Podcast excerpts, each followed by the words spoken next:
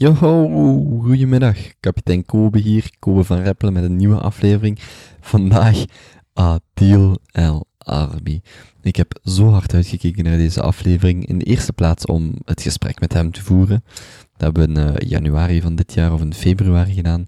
En vandaag om dit gesprek te publiceren. De eerste tien minuten van dit gesprek was ik vooral onder de indruk, want uh, ik zit niet elke dag samen met de slimste mensen ter wereld. Maar uh, daarna kwam het eigenlijk helemaal los en ehm, hebben we gewoon echt een fantastisch gesprek gehad over, wel, over films, over regisseren, over meisjes, over de rol van geschiedenis, over het buitenland, over het binnenland, over Marokkaan zijn, over black, over zoveel, zoveel, zoveel dingen. En het was echt een fantastisch gesprek. Ik kan hier eigenlijk nog minutenlang doorgaan, maar ik ga het heel kort houden. Geniet van dit interview met Adil Al-Arbi. Worstel even door mijn moeilijke eerste 5 à 10 minuten. En laat ons zeker, zeker weten wat je ervan vindt. Adil Al-Arbi op Twitter, uh, via mail, via de reacties kapiteinkobe.be slash Adil is de plaats waar alle, alle, alle informatie gaat staan die bij dit artikel hoort. Dikke merci en tot de volgende. Adil Al-Arbi, goedemiddag. Goedemiddag. Um, bedankt in eerste instantie om tijd vrij te maken voor mij. We zitten hier vandaag in, uh, in Brussel en ik zou graag willen beginnen, want ik heb natuurlijk een hele race vragen voor u. Graag willen beginnen um, met de vraag of je toelichting kunt geven naar deze plaats toe, daar kom. Het is de allereerste keer, als ik het goed uitspreek, ja, dat. de allereerste keer dat ik hier kom, uh, of hier ben. Um, kan to uh, kort toelichten wat hier eigenlijk uh, het initiatief of het verhaal achter is? Ja, wel, dus uh, daar kom is eigenlijk een beetje het Vlaams-Marokkaanse cultuurhuis. het, is, het is een prachtig gebouw, echt in het centrum van Brussel, die bij de Broekaire en de Nieuwstraat. Uh, en het is, ja, het is een beetje bedoeld als cultureel centrum, waar dat er een aantal activiteiten plaatsnemen. Um, bijvoorbeeld nu vandaag was, er een tentoonstelling over Tanger, de geschiedenis van Tanger. Uh, maar er worden ook andere soorten evenementen gedaan, uh, vooral, artistieke evenementen. Wij zelf gebruiken de locatie een beetje als een soort van uh, Quarter General, zou ik kunnen zeggen. Dat is onze place waar dat we onze producties doen. We hebben onze producties van Image, van Black hier gedaan. Castings hebben we hier gedaan. Uh, Hakuna Casting organiseert veel audities hier of, of, of infodagen. En uh, ja, je hebt ook veel infodagen van dingen die helemaal niks te maken hebben met kunst. Hè. Dat is er ook. Hè. Dus uh, Sensoa heeft hier uh, een event georganiseerd. Dus, dus dat is een beetje... Een... Is het in de eerste plaats een kunsthuis? Ja, dat is de vooral culturele, socioculturele uh, huis. En er is een tof cafeetje ja. beneden met ja. Marokkaanse specialiteiten. Ja, en um, als u zegt wij, dat is, dan heeft u het over het team, dan heeft u het specifiek ja, over filmproducties. Dat is Bilal en, en mij en, en andere mensen van Hakuna. Dat is een mm -hmm. beetje ons, ons collectief. Ja, dus hier zitten jullie meestal, als, als iemand zich afvraagt waar is de film eigenlijk grotendeels tot stand gekomen, ja, dan dit, dit, dit speelt altijd een uh, voilà, dat is een goede, bureau. En we hebben hier ook ja. zo de, een receptie gedaan voor de première van Black. Dat is ook, uh, ja, ja, dat is ook een goede plaats. Daar komen we zo dadelijk nog uitgebreid op, op terug. Ik zou graag uh, willen beginnen met de vraag, ja, waar groeit u op? U, u bent van Antwerpen, maar specifiek, um, um, wat er misschien anders was, of misconcepties die mensen daar rond hebben, wat u... Ik probeer eigenlijk terug te gaan naar, naar de jonge Adil, hoe dat die is gekomen tot waar dat die vandaag is. En dan zou de eerste vraag zijn, um, wat er in uw omgeving heeft meegedragen, denkt u als jonge, als jonge gast, tot waar u vandaag staat, van specifiek de omgeving van waaruit u komt? Wel, uh, ja, dat is een beetje meerdere dingen. Ik denk gewoon al, toen ik klein was, keek ik heel vaak naar films. En, en dat was altijd zo, de, de, het evenement altijd zo. Ik, uh, ik, was, enig kind, dus mijn beste maat was mijn tv. En uh, altijd naar televisie kijken. En dat heeft mij altijd heel hard beïnvloed. En, en toen ik al acht jaar was, wist ik wel dat dat, dat ongeveer hetgeen was dat ik wou doen. Dat dat cinema was, of films maken, of verhalen vertellen. Dus, uh, dus dus ja, doorheen mijn jeugd en zo is film altijd wel die constante geweest, die nooit eigenlijk echt veranderd is geweest. En um, ja, voor de rest middelbaar was vrij klassiek eigenlijk. Dat was gewoon Latijn wiskunde, niks te maken met kunst of zo, maar, uh, maar dat was even, dat was gewoon uh, ondergaan, weet je.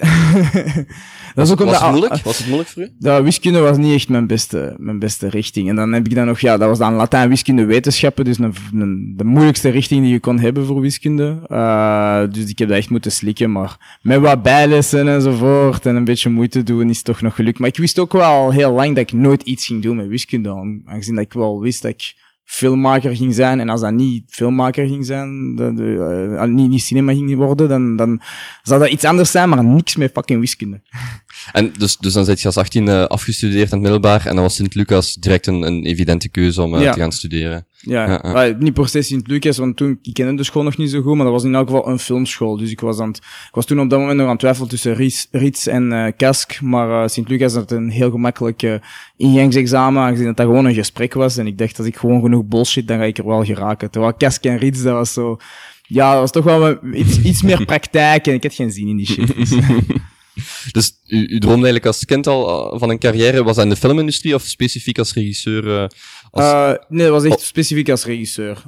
Dus, want ja, acteren was, vond ik wel tof en zo, en dat was ook heel interessant, maar ik zeg mezelf toch echt als, als filmmaker die bepaalde verhalen zal vertellen. En um, de enige reden waarom dat ik dan acteur zou geweest zijn, dat is om sneller filmmaker te kunnen zijn. Uh, maar dus ik ben blij dat ik eerst ben begonnen met filmregisseur, want acteren is fucking moeilijk. Dus. Is het moeilijker? Ja, het is, als, als, dat niet, als, dat, als dat niet in je bloed zit, als dat je niet ligt, dan is dat heel moeilijk. Want, want um, je zou bijna kunnen zeggen dat in principe kun film uh, regisseren nog wel leren, omdat dat een heel, uh, dat, is, dat is echt teamwork en, en, en er is, er is ergens, het is, het is kunst, maar aan de andere kant, er, is ergens ook een gehalte technische, exacte wetenschap die je ook, ook kunt leren als vakmanschap. Die er niet als acteur of ja, minder is. Terwijl acteur, uh, voilà, je kunt dat leren, maar je kunt zoveel technieken leren enzovoort. Uiteindelijk, het is toch die knop die je moet kunnen switchen en, en de persoon zijn die je, die, die je moet zijn. En niet meer acteren, dat is echt uh, heel moeilijk. Mm -hmm. Als u dan in het buitenland bent bijvoorbeeld, hoe, hoe stelt u uzelf voor? Als iemand vraagt, wat doet u? Uh, ik zeg, uh, ik ben Adeel, ik ben filmmaker.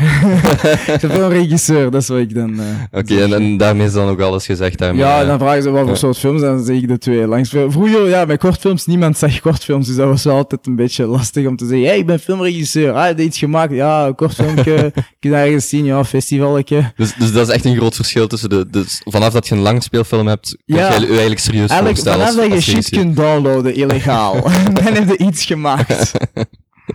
Is er uh, eigenlijk een verschil tussen een regisseur en een producer? Dat vroeg ik mij Ja, af. wel een producer of een producent, dat is iemand die, uh, die, die eigenlijk ervoor zorgt dat, dat, dat financieel dat je de film kunt maken. En je hebt ook natuurlijk wel artistieke keuzes, maar hij gaat er gewoon voor zorgen dat de, dat de regisseur um, zijn job kan doen. Uh, het creatieve dan het artistieke. Ja, voilà, voilà, dus die regelt dat. Dat is de fixer. Dus de producer is de fixer. Die fixt alles. En dan de regisseur die gaat, die gaat actie en kutten en alle, en alle creatieve beslissingen uh, nemen hoe was aan jullie geval? Hoe groot is dan zo'n team uh, van, van de regisseur en de producer en alles behalve de acteurs? Hoe groot is zo'n bijvoorbeeld voor Black uh, zo'n groep? Ja, maar dat is wel, dat is wel vrij. Als je de acteurs niet meetelt, we zijn sowieso wel met een 25-tal mensen, omdat we hebben natuurlijk Bilal en ik, maar dan heb je een aantal producers. Uh, dat, dat zijn zo twee producers die heel close zijn bij ons. Hendrik en Kobe, die ook image hebben gedaan, maar dan van een andere hoe meer productiehuizen samenwerken, hoe meer producers dat er zijn. Het van Black waren naar drie productiehuizen, dus ja, ja drie maal twee zoveel. En, en dan heb je nog alle medewerkers enzovoort. Dus dat is wel vrij veel mensen die, de, die erachter werken. Om nog niet te spreken over de technische crew en, en, en, en monteurs en, en, enzovoort. Ja, komt heel wel bij kijken. Ja, ja. Um, een, een hele andere vraag. Ik kwam hier binnen met een boek over, uh, over, over voetbalmafia en, en matchfixing. Ik vraag me af, hoe, hoe ziet een gemiddelde dag voor u er nu uit? Wel, uh, meestal nu, als, als dat in een jaar is dat we niet aan het draaien zijn, of dat we geen langspeelfilm draaien, dan is dat vooral uh, veel lezen. nu, dat is dus veel boeken lezen, veel ook scenario's lezen die we toegestuurd krijgen. Niet per se om, om te draaien, maar bijvoorbeeld om scenaristen te leren kennen, want het is wel heel moeilijk om een goede scenarist te, te vinden. Dus je, moet, je kunt enkel een scenarist leren kennen door zijn scenario's te lezen. Dat neemt wel wat tijd. En schrijven fucking veel schrijven. Dus, uh... Wilt u dan schrijven um, dagelijkse dingen die opvallen? Of echt scenario's nee, echt scenario's, ja. Dus echt werken aan, uh, aan scenario's. Uh, en dat hangt er vanaf van de stadiums waar, waarin dat je, dat je ziet. Hè. Als het echt het prille begin is, dan is dat vooral research, ideeën, losse ideeën schrijven. Um, en daarna gaat het over naar een bepaald structuur. Uh, dat wil zeggen dat je ongeveer op één pagina kunt zeggen, dat is ongeveer wat de, wat de film gaat zijn en welke scènes er te zien zullen zijn in de film. In één zinnetje vaak. En dan, eens dat je dat hebt, eens dat je de film ongeveer hebt in je hoofd, dan moet je schrijven. Dat is meestal een fucking side job, want dat is gewoon type. type wat je in je hoofd hebt enzovoort, wat je graag zou willen uitleggen als regisseur, maar ja, je moet dat schrijven, en, en, want anders kunnen andere mensen niet... Dus, dus echt, uh, hoe, meet je dan of je een goede dag achter de rug hebt? Uh, als, er, als op het einde van de dag dat er toch wel... Allee, je, je hebt wat meer gedaan dan de dag ervoor. Uh, bijvoorbeeld als in scenario, uh, dat je drie, vier pagina's bij hebt. En hopelijk goede pagina's, want dat is ook nog niet gegarandeerd. Dus, dus dat is meestal wat, je hebt. Als je monteert, bijvoorbeeld, we zijn aan het monteren aan een videoclip, een videoclip van Milo. Ja, een afgewerkte versie, hè? dus een nog een betere versie dan de vorige versie van die clip. Hm. Dus, uh... En, en voor, want ik ben niet zo op de hoogte, behalve dan de, de scenario's schrijven en het zoeken of het ontwikkelen van een nieuwe langspeelfilm. Wat, wat doet u dan nog zo in uw vrije tijd of in uw professionele tijd? Ja, het is eigenlijk meestal dat heeft altijd wel iets te maken met, met film. Nou, de enige vrije tijd, echt vrije vrije tijd, is uh, gaan sporten. Probeer het toch als ik tijd heb. Uh, maar, uh, maar los daarvan, is altijd wel films kijken of series zien. Omdat, uh, natuurlijk, doe dat wel heel graag, maar aan de andere kant, dat, inspireert u ook. De, dus, dus dat is wat we meestal doen. En, maar we zijn echt meest in ons element wanneer we regisseren. Dus wanneer we echt op de set zijn en we draaien. zaterdag bijvoorbeeld hebben we ook een videoclip gedraaid. En dat is wel het moment waar, waar we genieten. Hè, want dan zitten echt dingen aan het maken, aan het creëren. En monteren is ook het tweede leukste dan. Mm dus, dus jullie doen effectief ook veel videoclips en andere producties en opdracht van, ja, well, uh, omdat van, van we, Ja, omdat we graag, uh, je moet regisseren. In België is dat wel niet, niet zo simpel, omdat als regisseur zit je vaak op de set de minst ervaren van iedereen. Um, omdat ja, de cameraman of de geluidsman, die zijn constant projecten na projecten aan het doen, terwijl regisseur is meestal één project per jaar of om de twee jaar. En, um, en ja, je moet dat wel trainen, want je moet wel snel beslissingen kunnen nemen enzovoort. En de mensen van je team moeten wel weten dat, dat ze op u kunnen vertrouwen en zo. Dus, uh, dus vandaar dat we zoiets kunnen doen of zo. Een klein clipje. Wordt u nu dan serieuzer genomen als, uh, als, als regisseur? Uh, live, als pakweg een paar jaar geleden? ja, dat weet ik niet eigenlijk. Ik, ik, serieuzer, ik denk... Ik denk dat uh, in het begin misschien namen ze ons totaal niet serieus. ze dachten, wat de fuck, wie zijn, wie zijn die gasten enzovoort.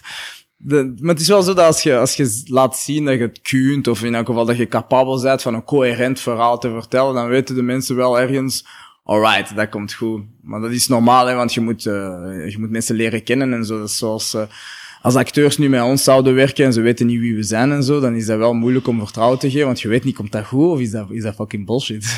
gebeurt dat? Uh, ja, ja, ja in, in, dat is, dat is, uh, ja, als, als je nog niks hebt gedaan, dan is dat wel zo normaal, maar daarom, uh, hoe, hoe meer dat je maakt, dat, je overtuigt vaak acteurs of mensen van een technische crew met een kortfilm en en als je dat hebt gedaan, overtuig je die met een en dan met een tweede langspeelfilm enzovoort. Dus zo moeten zien wat er gebeurt op de derde langspeelfilm. Of dat nu smooth gaat verlopen of totaal niet. Maar, maar het is altijd chaos wel. Voordat we terugkomen op die, op die uh, meer op de filmindustrie, wil ik je nog vragen, want dat ben ik in het, begin vergeten. Adil Al-Arbi, heeft, heeft uw naam eigenlijk een betekenis? Ja, dus Adil betekent uh, strijder voor het recht in het, uh, in het Arabisch. En uh, Al-Arbi betekent gewoon de Arabier. De Arabier? Ja. Dus de Arabische strijder voor het recht. Ja, basically wel. Ja, ja, ah, ja, oké. Okay. ik, vroeg me dat, ik vroeg me dat nog af. Um, de filmindustrie heeft nu twee langspeelfilms gemaakt en er komen er uh, ongetwijfeld nog, uh, nog een deel aan. Um, ik vraag me af, wordt de mens rijk van de Belgische filmindustrie? Nee. Totaal nee. Je echt fucking platzak nog altijd. Uh, ja, het is, het is een beetje, het is een keuze, hè. Je doet levenskeuzes. Ik heb maten van mij die, die reclame maken. Um, en vrij veel reclames. En als ik hen zie, dan ben ik zo wel een beetje jaloers, want ik heb zoiets van, ah, oh, putain, je maakt reclame. Reclame, de, de, de campagnes ontwikkelen, of echt, echt het filmen en het... Een reclamespot regisseren. Mm -hmm. Dus mhm. daarvan kunnen we wel geld verdienen als regisseur. Dat is echt de manier om geld te verdienen, want, want het zijn grote budgetten. En als regisseur kun je 10 à 15 procent van het budget in je eigen zak steken. En als ik dan mijn maten ontmoet die, die reclame regisseren, dan ben ik jaloers. Want ik zeg, putain, ik zou ook fucking graag reclame willen doen. En wanneer zij mij zien, dan zijn zij jaloers. En ik zeg, ja, ik zou graag echt een fucking langspeelfilm willen doen. Dus het is een beetje een keuze, hè. Ja, dus, dus, want als je reclame doet, dan blijf je dat doen. En dan easy money. En, en, en, dan zit ook geen films meer aan het maken. Dus het is systeem van de, een van de twee. En cinema, het is niet Hollywood, hè. Dus ook al zal je film echt onwaarschijnlijk veel kijkers halen, dan bijvoorbeeld boven de 500.000 kijkers, dan nog gaat hij niet genoeg money hebben als regisseur om, om, om je kunt er maar een jaar van leven, max, hè. is ja, effectief, ja. een, een, een, een, een, um, hoe heet het, geen bestseller, maar een, uh, Dus een film die het goed doet in de Belgische zalen, daar komt je ongeveer een jaar mee toe. Maar, Ai, eh, dat ongeveer. is echt goed, goed. Black doet het goed, maar kri- met wat we kunnen krijgen van Black, daar kunnen we een maand of zo mee toekomen. Hè. Maar 500.000 kijkers, daar kunnen misschien een jaar mee toekomen. Maar dat is niet, eh, ja, je maakt niet een film om, om, om, eh, om eh, in België toch niet. Hè. Dus Dat is niet Amerika. Het is ook, de afzetmarkt is heel klein. Hè. Je hebt maar 6 miljoen Vlamingen uiteindelijk. Dus dat je kunt nooit zoveel mensen hebben als in Amerika, waar dat je direct ja, 30 miljoen mensen kunt hebben die naar je film gaan kijken. Dat is wat anders. Daarom is dat ook een, een totaal andere industrie in, eh, in de Verenigde Staten. Ehm, is dat de volgende logische stap? Of zijn er nog een aantal tussenstapjes? Wel, we, we hopen wel dat, dat, dat we zo snel mogelijk naar Hollywood kunnen gaan en daar een film draaien. Eh dankzij Black. Black was een beetje onze, onze vliegtuigticket naar daar. Dus, eh dus daarom dat er nu een aantal scenario's zijn die naar ons eh, gestuurd worden. En, en studios willen wel met ons werken. Dus, eh dus het is wel de, de logische volgende stap. We weten nog niet of dat we eerst een Hollywoodfilm gaan draaien, of eerst een Belgische film en daarna pas een Hollywoodfilm. Dat hangt er een beetje vanaf van, van planning en, en Hoe, hoe wordt bepaald of iets een Hollywoodfilm is? Is dat puur de locatie of het budget? Uh, dat, is, dat is eigenlijk de, de, de locatie zelfs niet echt, dat is gewoon de studio. Dat is de studio die bepaalt. Van het moment dat dat een Hollywood studio is, wat dan nu een budget is van 15 miljoen of, of uh, 150 miljoen, dat is gewoon een Hollywood film. Zoals Roskam. Roskam zijn film, uh, The Drop, was een kleine film, klein budget. Ik denk maar 12 miljoen of 15 miljoen max. Maar het was wel Fox Searchlight, dus een Hollywood studio, dus het is een Hollywood film. Maar um, daar zelf, de locatie, niemand draait in Hollywood meer. Of in LA. Iedereen draait echt ergens ver weg. En is dat ook waar je dan als kind van droomde? Echt effectief? Was het de Belgische zalen vullen Ja, of, of toch de Dat is Hollywoodfilms? toch Hollywood, ja. Want dat- als je, eh, toen ik klein was, ik keek nooit naar, naar Vlaamse films of Belgische films. Dus voor mij, de Belgische filmindustrie was onbestaand. Het waren allemaal Amerikaanse films die je keek, of Hollywoodfilms. Hè. Dus uh, zelfs de meest artistieke, de auteur uh, Hollywoodfilms, uh, films van Scorsese, Tarantino, uh, Spike Lee.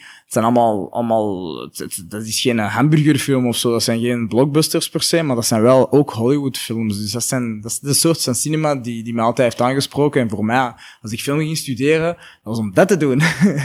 Is één specifieke top, top regisseur? Of? Ja, ik denk Oliver Stone, uh, de regisseur van, van Platoon, uh, Natural Bone Killers, uh, JFK en zo, dat is altijd wel mijn, mijn top, top regisseur geworden. Hoewel dat recent zijn laatste films, ik ben er niet zo'n grote fan van.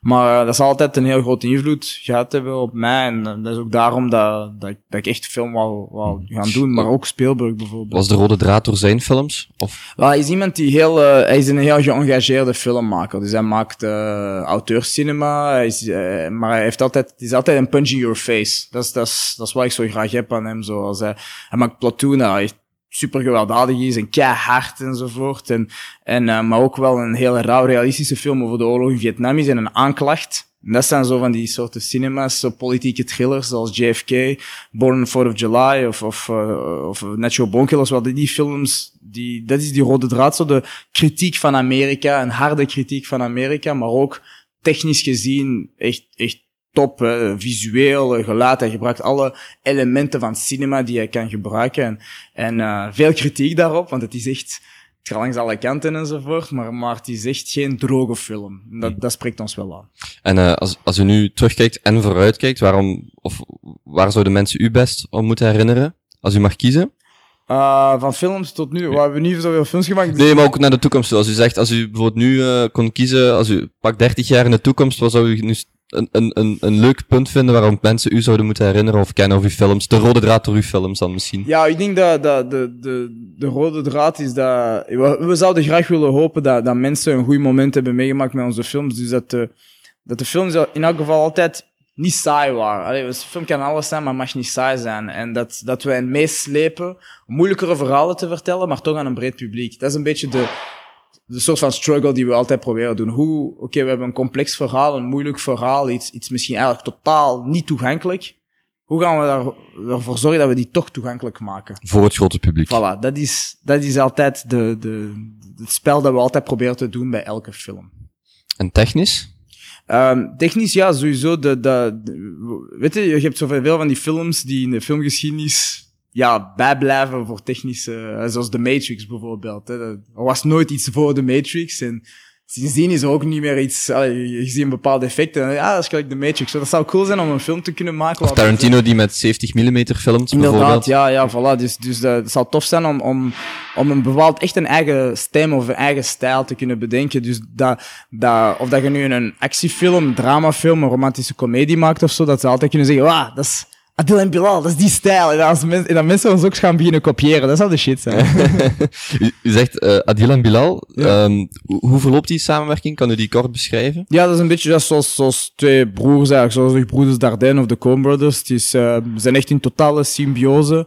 Ehm, ik denk dat er zijn een aantal dingen die, die, die hem, meer, hem meer liggen dan bij mij. Ehm, maar niet op de set. hè. Op de set zijn we gewoon alle twee hetzelfde aan het doen altijd. Maar hij gaat bijvoorbeeld iets meer met montage bezig zijn en ik ga wat meer met scenario bezig zijn, bijvoorbeeld. Maar het is altijd, we toetsen altijd eh, af bij elkaar. En als hij iets goed heeft gemonteerd, iets dat hij vindt dat hij goed heeft gemonteerd, dan vind ik dat de shit. En als ik iets heb geschreven dat ik goed vind, dan vindt hij dat ook de shit. Dus dat, dat, dat matcht. Maar iemand moet een van de twee jobs doen. Dus, En eh, als, als iemand dan iets heeft gemaakt wat eigenlijk op niks trekt, dan ook direct zo gezegd of... of... ja, dat wordt direct gezegd, maar dat is tot nu toe nog niet echt gebeurd. Ah, ja, dus, dus, eh, nee, want we voelen echt zo, eh, nee, dat is eigenlijk nog niet gebeurd, dat, dat, dat ik het goed vond en hij vond het slecht. Is altijd, ja, het is kijk. Ja, inderdaad, het is echt kijk.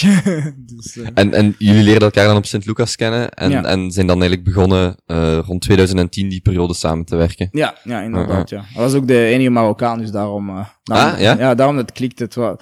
Ar- Artsy fartsy blanke linko's en, en, wij. Dus, eh. Weet u nog uw, uw allereerste ervaring met hem? Allereerste opdracht? Ehm, ja, dus dat was... eh, ja, dat is eigenlijk mooi. Eh, ik, eh, ik was er niet bij hem, bij, bij zijn kortfilm op de set, maar ik heb wel mee gemonteerd. Dus we waren zo samen aan het monteren op dezelfde computer enzovoort. Dus dat is een beetje... Zo is dat begonnen, zo eerst in de opleiding toen ja, ja, in de opleiding dat we eerst zo monteerden en dan stilkens aan, ik help hem met zijn kortfilms, hij helpt mij met mijn kortfilms en, en, en dan, ja, en dan in die periode ook eerste opdrachtjes doen, zo, zo van die videoclipjes voor 35 euro, want toen dachten we nog dat dat veel geld was. Totdat we dat allemaal hebben opgeboefd in de quick in één keer. Eh, dan dachten we, misschien moeten we wel meer geld vragen. Dus jullie hebben dan, jullie zijn eigenlijk in de, in de hogeschool eh, eh, beginnen samenwerken. En sindsdien eigenlijk altijd was dat geen vraag meer of we zouden samenwerken. Allee, of Nee, jullie, was- maar gewoon dat jullie zouden samenwerken. Ja, voilà, dat was echt zoiets ja, natuurlijk, zonder erbij bij na te denken, wat, wat wel cool was. Het enige lastige was dat we altijd twee fucking kortfilms moesten maken. Dus dat was altijd... Voor de opleiding dan. Ja, voor de opleiding. We mochten niet samen één eindwerk doen. Dus dat was altijd... Voor ons, in onze ogen was dat twee keer zoveel moeite. Mhm. En de, de allereerste, of de allereerste productie buitenschool die jullie dan opgeleverd hebben, herinnert u dat nog? Ja, Dat, was, eh, dat was een sketchreeks, dat heette Bergica. Eh, dat was echt direct na, na onze opleiding. Dat was een, een, een humoristische reeks voor acht. eh, sketches van vijf minuten telkens. eh, en eh, ja, dat was interessant. Hè? Dat was, eh, als we het nu zouden doen, dan zou dat op een totaal andere manier zijn. Maar toen, ja, toen eh, we wilden van alles proberen en onze ambitie was misschien wat te groot. Maar er waren soms wel funny dingetjes in enzovoort. En, eh, Toen waren jullie 22 ongeveer. eh, nee, ik was, ik was 23 toen. Ik was 23, Bilal was, was 25. ah ja, Bilal is twee, twee of drie jaar ouder, twee zeker? jaar, twee jaar ouder. Twee jaar en een half ouder. En, Ja. En ehm, ja, voilà, dan, dan zijn we daarmee begonnen. En dat had nog wel wat succes. Hè. Maar dat was interessant van te zien hoe dat, hoe dat is om professioneel met een professioneel producent en een zender te werken enzovoort. Dat heeft ons veel geleerd. Dat was een goede training voor image die we eigenlijk dat jaar zelf ook zouden opstaan. Image, de eerste langspeelfilm. Ja. Ja. En documenteerde u dan ook wat u deed? Bijvoorbeeld als u nu daarop terugkijkt van, van die eerste periode, ziet u echt van hier en hier en hier zijn wij enorm geëvolueerd, of hier of hier zijn wij blijven hangen, of doet u dat gewoon allemaal op, op gevoel en dan zien we wel? Wel, we, we, we onthouden dat wel. Het goede is dat dat, ehm, dat dat blijft heel intens en, en de montageproces enzovoort, dat, dat, dat duurt wel even. Je zit er wel een, zes maanden mee bezig. Op zes maanden hebben we een sketchreeks gedaan en daaruit hebben we veel geleerd en daaruit hebben we ook zo conclusies kunnen trekken van wat werkt wel, wat werkt niet. Dat, is het handige aan film of aan, aan gewoon audiovisuele kunst, is dat je heel snel het resultaat ziet van dat marcheert wel. Dus dat, is, dat, dat zijn de documenten die we altijd terug kunnen bezien en analyseren en denken, volgende keer gaan we het anders doen. Zijn er eh, bepaalde misconcepties die mensen hebben rondom uw job? Wel, mensen denken, wel, om te beginnen, mensen denken dat we loaded zijn. Je? Ze denken, "Wow, filmmaker is een rijk. Maar nee, totaal niet. Uh, uh, mensen denken ook dat dat ons geld is. Zo van, wow, als we bijvoorbeeld zeggen, hoeveel kost de film? Ja, de film kost een miljoen, tweehonderdduizend. Wow, je hebt zoveel money erin gestoken. Maar nee, ik de, dat is een job, hè. We zijn betaald, wij krijgen een fucking loon. de mensen denken dat dat vrijblijvend is. Wij steken ons eigen geld in de film. Maar nee, we overleven anders. Dus, uh, dus en, en, en, dat is een beetje het ding. Ze denken ook dat dat heel glamour is en film en cinema enzovoort. Terwijl dat op de set zelf, dat is wachten. Hè. Als je geen filmmaker bent of cameraman of technische crew, uh, dat is gewoon wachten. Acteur zijn is wachten. Daarom ben ik ook blij dat ik geen acteur ben, want ik haat wachten. Dus ik zou... Dus afwachten tot het uw take is dan? Ja, ja voilà, dan komt je, je komt vaak s morgens vroeg op de set en dan moeten een hele dag wachten. Al goed dat de acteurs meestal, ja, die weten dat wel, dus die hebben hun boekje, of die, hebben, die kunnen een dvd'tje zien, of die zijn geconcentreerd met hun rol bezig. Maar voor de rest is fucking lang wachten. Dus... Uh... Had je zelf als kind ook die, die misconceptie? Uh, ja, maar ik dacht ook, ja, in mijn ogen toen ik klein was, ik had ook wel het gevoel dat, acteur, dat, dat regisseurs, dat, uh, dat die dat hun eigen geld was. Omdat de films die ik keek, dat was vooral Steven Spielberg. En, en hij was altijd de producent, dus ergens stak hij wel zijn eigen geld in, in zijn films. Maar daarna ben ik beginnen begrijpen dat dat ook wel wat genuanceerder was. En natuurlijk, film in Hollywood is niet hetzelfde zoals film in België of in Europa, waarbij dat cinema gesubsidieerd is. En in Hollywood is dat niet gesubsidieerd. Mm was er iets wat u pakweg vijf jaar geleden over de filmindustrie had willen weten? Wat u mogelijk veel miserie had kunnen sparen? Uh, wel, ja, misschien, uh, het ding is, we, we hadden al vrij snel door hoe dat, hoe dat marcheerde, de, de filmindustrie. Uh, omdat um, we waren gebuist in het eerste jaar van Sint-Lucas, uh, Bilal en ik. Dus, samen gebuist? Ja, we waren samen gebuist. We waren echt super pist, meer gedegoteerd. Maar we hadden ook... Uh, toen begonnen we het gevoel te hebben dat, dat we misschien... we waren van overtuigd dat we films gingen doen, maar, maar misschien niet via Sint-Lucas. Dus dat het niet ging lukken via een opleiding. Dus dat is ook de periode dat we Jan Verrij hebben leren kennen en meegeholpen hebben op Los, um, een langspeelfilm. En, um, en ja, dan dachten we, oké, misschien, we gaan misschien nog eens gebaasd zijn. Misschien moeten we nu via die weg Jan Verheijen leren kennen, de producent Peter Boekhaart, iWorks, de echte wereld, de echte filmwereld leren kennen. Uh, en toen, ja, toen, toen, via die mensen, via Jan Verheijen, leert je toch wel iets anders. En Peter Boekhaart, de, de, de gewoon schoolopleiding te hebben, maar zij leggen je niet uit hoe dat, hoe dat concreet hoe verkoop je een film? Hoe zorg je ervoor dat kijkers naar je film gaan komen? Hoe zorg je ervoor dat je een volgende film heel snel kunt maken? Dat leert je niet echt. Dat leer je wel bij, bij Peter Boekhaart en Jan Verrijen, die films aan de lopende band maken, omdat ze daar ook een, dat is ook een commercieel product. En, uh, en dus daar hebben we wel geleerd, heel snel. En ik denk dat we uiteindelijk, uh, uiteindelijk wel goede beslissingen hebben gemaakt. Ik denk dat we zouden nog altijd kunnen kiezen van misschien meer artistiekere films maken, maar dan zouden we, zouden we misschien prijzen hebben in festivals, maar niet, mm uh, niet, niet, uh, niet, niet kijkers of geen box-office misschien. De opleiding hebben jullie wel afgemaakt dan daarna? Ja. En dan ja. vrij veel geleerd via Jan Vrij en verder? Ja, Jan Verrijen, Peter Boekhaart en zo voor wat de filmindustrie betreft. Uh, en uh, en op, in de school natuurlijk, ja, onze, onze docenten, hè, uh, Fien Trosch, uh, Dorothee van den Berg, Patrice Toye, Michael Roskam vooral, die een beetje onze mentor is geworden. Um, veel geleerd over filmgeschiedenis, over manieren van kijken, auteurscinema te analyseren enzovoort, kunstgeschiedenis, veel dingen die we, die twee, die twee hebben ons veel geholpen. We zijn twee totaal verschillende werelden, maar dat heeft er vooral voor gezorgd dat we uiteindelijk de films maken die we nu maken een raad voor jonge filmmakers of creatievelingen om zowel die opleiding te volgen, maar ook daar buiten te gaan ja, en veel ervaring op te doen? want, want je kunt niet, je moet niet in je eigen wereld blijven, dat is nooit goed. Als, als filmmaker moet je echt van verschillende werelden kunnen, kunnen leren en vertellen. Um, maar het is ook zo dat als je enkel je opleiding gaat doen, wel op het einde van de dag gaat je dan je diploma hebben van film, wat geen bal waard is. En dan begin, begin er maar aan. Begin er maar aan met producenten dan pas te leren kennen. En, en... Terwijl dat die anderen al een voorsprong hebben. Ja, voilà, voilà. Dus je moet gewoon tegelijkertijd de twee doen. Enkel op de schoolbankje voor film, gaat, dat gaat je niet helpen. Ja. U zei net los, is dat de film, ik denk in 2008, met die, ik denk dat hij journalist is of zo, en die Pakistaanse vrouw leert kennen, die dan Ja, uiteindelijk ja. die. Ik Ja. vond dat op dat moment een van de grappigste films die ik dat jaar heb gezien met Jacques Van Assen. Ja, of de zaak van As. ik vond dat echt een hilarische film en ik heb die met iemand anders gekeken en die zegt dat is een prutsfilm, maar ik vond die film dus echt fantastisch om... eh, Ja, ja, dat is echt, ja, toen, toen ik de film, bij mij is het ook wel een beetje geëvolueerd. Ik vond fantastisch toen ik het juist gezien had. Uh, maar toen ik het recent gezien had, dan vond ik het al wat, wat, wat minder funny dan. Uh, dan ja, ik heb hem één of twee keer om dezelfde periode gezien. Ja, dus ja, dus, misschien nog eens terugkijken of net niet. Dat is wat, maar in die tijd was dat ook, was nog nooit echt zo'n film gemaakt uh, geweest. maar ik heb boek gelezen en ik vond, ik vond een boek ook wel, het boek was wel wat scherper. Dus het is, het is, als wij de film hadden gemaakt, het boek hadden geadapteerd, dan hadden echt meer, meer in your face ge, geweest. Maar ik vond het wel echt funny ook. Dus van boek naar film. Um, heeft u, um, ik ken niks van de, van de filmindustrie, dus dat is misschien een vraag die nergens op slaat. Maar heeft u meer begrip voor mensen die, die een film, een, een boek verfilmen? Of iemand die compleet met een nieuw scenario komt? Of maakt dat eigenlijk allemaal niet uit? Um, maar ja, dus, uh, op, op zich de prestatie van, uh, van een film te kunnen maken, niet gebaseerd op een boek, is wel, uh, in sommige, in sommige opzichten wel groter. Dat wil nog altijd niet zeggen dat het kwaliteit is. Hè. Uh, genoeg films die gewoon niet gebaseerd zijn op niks, die kek zijn. Maar, um, maar als je echt een heel goede film kunt maken uh, en een scenario is gewoon van je eigen brein en van je eigen creativiteit, dat is wel, zo op zich een heel coole prestatie. Um, Tarantino bijvoorbeeld, met uitzondering van één, één film, heeft als de scenario's zijn van, van, van zijn eigen. De Coen Brothers zijn vooral bekend ook voor, voor hun eigen scenario's te schrijven. Hetzelfde voor de broeders Dardenne enzovoort. Dus dat is wel heel cool. Michael Rosgan met, met Runskop. Um, maar er zijn boeken die, die, die, soms, ja, die soms fantastische films geven en die ook, eh, die ook moeilijk te adapteren zijn en toch lukt het, lukt het wel. Als ik denk, een Hollandse film, Karakter, boek is fucking onleesbaar. Kijk, kan niet lezen. Maar die film is een van de beste Nederlandstalige films ooit gemaakt. Dus dat is ook wel een prestatie van dat te kunnen.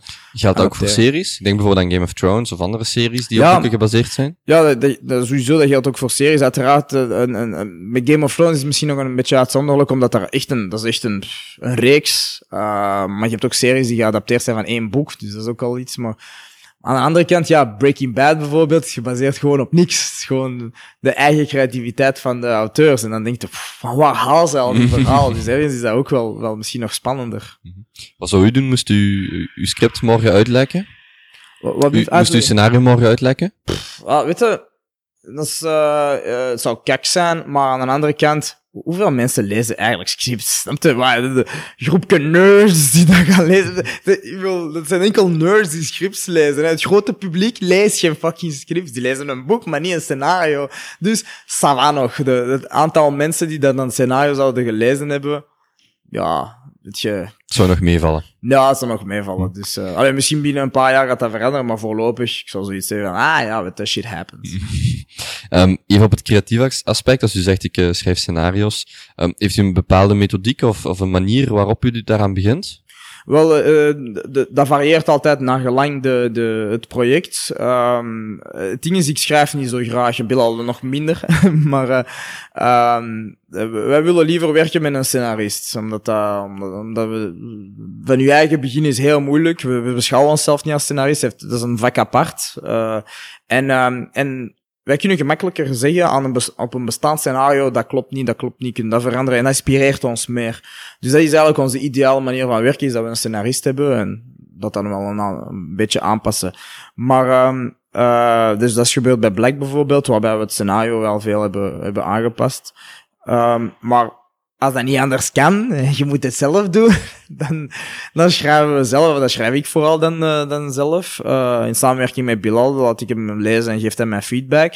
En dan gaan we een scenarist halen die dan die er een deftig verhaal van die dan maakt. Deftig, of, die dan zegt, ja, dat, dat klopt niet, dat klopt niet, dat misschien moet anders zijn. Zo een beetje scriptdokter. Dus, uh, dus dat is een beetje de twee manieren van werken. Mm -hmm. En als u dan schrijft, dan, dan begint u er gewoon aan, zegt u, oké, okay, ik heb iets in mijn hoofd en ik ga dat gewoon opschrijven. Ja, wel, dus ja, dat is zo even, dat zijn, dat zijn dan losse ideeën. Ik, ik denk meestal, meestal denk ik in trailers, uh, omdat, uh, in trailers hebben de goede stukjes. Dus dan denk je, oké, ik heb een film over die wereld, hoe zou de trailer eruit zien? Wauw, dat zou toch cool zijn. Ja, die zijn, die zijn, die zijn. En dan heb je gewoon scènes die je denkt, wow, dat is super graaf, dat is wat ik wil doen uh, als regisseur. Uh, maar dan moeten wel, ja, dan heb je wel uh, losse flodders enzovoort. Dus, dus u heeft eigenlijk het, het, volledige verhaal en daar maakt u dan een trailer van, uh, schrijft ja. u een trailer van, zo Ja, voilà, of dan beelden u in wat de, wat de trailer zal zijn. Dan en, heb je wel een volledige lijn eigenlijk in uw ja, hoofd over hoe het verhaal ja, zal gaan. Ja, voilà, en dan schrijft u uw verhaal zo op één pagina ongeveer wat dat gaat zijn. Of de, een genre, dat is vaak, um, vaak inspireert je u van, van een bepaalde bestaande film omwille van de genre, want je kunt ja, dat ze zeggen, je kunt van, eh, van een, een waar gebeurt verhaal bijvoorbeeld verschillende genres doen, maar je moet dan kiezen, gaat je een comedie doen of gaat je een trailer van maken, enzovoort, enzovoort. En, en het is vooral de structuur. Het is eigenlijk de structuur dat je moet uh, bedenken is, is uh, hoeveel actie wilt je hebben in de film? Begin een beetje... Op voorhand, voor je begint te schrijven? Ja, ja, ongeveer, voilà. Want je weet ongeveer de, de, de regeltjes ofzovoort van laten we zeggen, de film duurt 90 minuten of 100 minuten of zo, of 120 minuten, dan weet je wel dat je ergens toch wel een paar actiescènes gaat doen. Wat niet per se een ontploffing moet zijn. Hè. Een actiescène kan zelfs een heftige dialoogscène zijn, hè. maar je weet, dat moet spannend zijn. Um, je moet de mensen bij de keel grijpen op die... Ja, uh, voilà, voilà. En soms is, is, is de structuur van een bestaande film ook handig. Uh, voilà, van één bad guy tegen vijf slechteriken, of, of, of vijf goede mensen tegen één slechterik. Zo, dat is een beetje wat dat je kiest uh, als structuur om je verhaal te vertellen. Mm -hmm. Dus dan, dan heeft u eigenlijk uw, uw scenario op één blad samengevat, of, of het idee wat u in ja. uw hoofd heeft. En dan komt u samen met Bilal bijvoorbeeld, en dan een, een uh, scenario schrijver erbij, en zo evolueert iets dan verder. Ja, voilà, voilà. Dan, dan, dan, weet de, dan weet de scenarist vaak wat de structuur is. Hè, want dat is, de structuur is altijd geen het langste, langste neemt. Want want ja, je, een andere techniek bijvoorbeeld, is, je schrijft allemaal scènes op, uh, op aparte briefjes. En dan gaat het een beetje ja, puzzelen. Hè. Dan komt dit, dan komt dat. Willekeurige scènes? Of ook al met een bepaald verhaal in je uh, Ja, ja de, de, scènes met, met een bepaald verhaal in je achterhoofd. Maar scènes die je graag wilt zien. En als je dat allemaal opschrijft op een briefje. En dan gaat je eerst als een puzzelstuk bepalen wat de volgorde is. En dan ga je ook zien, ah ja, hier, dat zijn twee heftige scènes die op elkaar lijken. Juist naar elkaar. Misschien moet ik die van plaats veranderen. Of misschien moet ik dat vullen met iets anders. Of hier, ik heb te weinig liefde.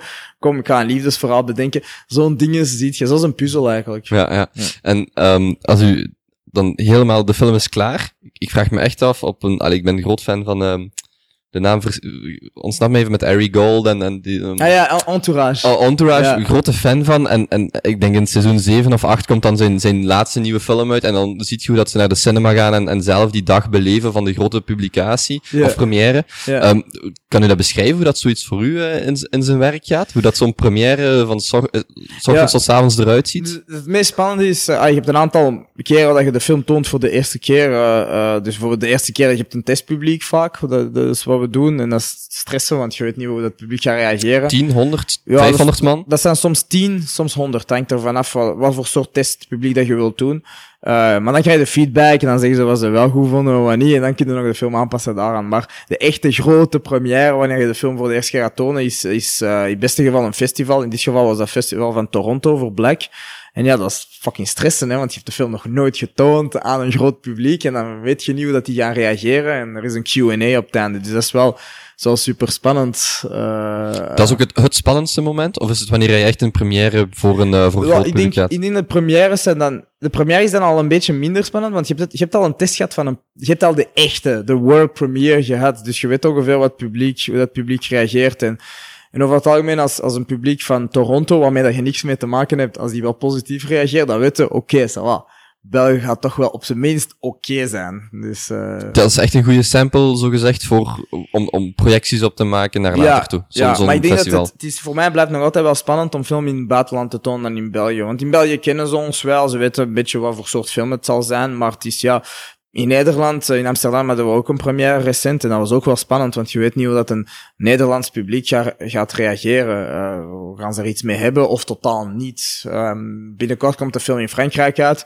Frankrijk doen ons het meeste flippen van allemaal, want we weten echt niet hoe dat die gaan reageren. Dus dat is wel hard stressen. En dan zit je ook zo een hele dag zo tot te gaan en ah, geen woesting.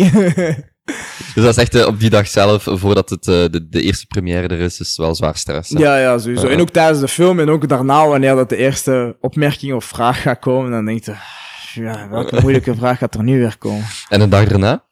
Uh, nee, dat is chill. Dat is chill, voilà, het, is, het is gepasseerd. Zelfs een paar uur daarna, voilà, het is, uh, het is voorbij. Uh, on to the next one. Hè. Ja. Dus, uh, en uh, als, als u dan, of u krijgt goede reacties of, of, of niet zo goede reacties, hoe, hoe beloont u uzelf na zo'n film? Dus op het moment dat u weet, nu is Black, bijvoorbeeld, om Black maar als voorbeeld te nemen, de film is af.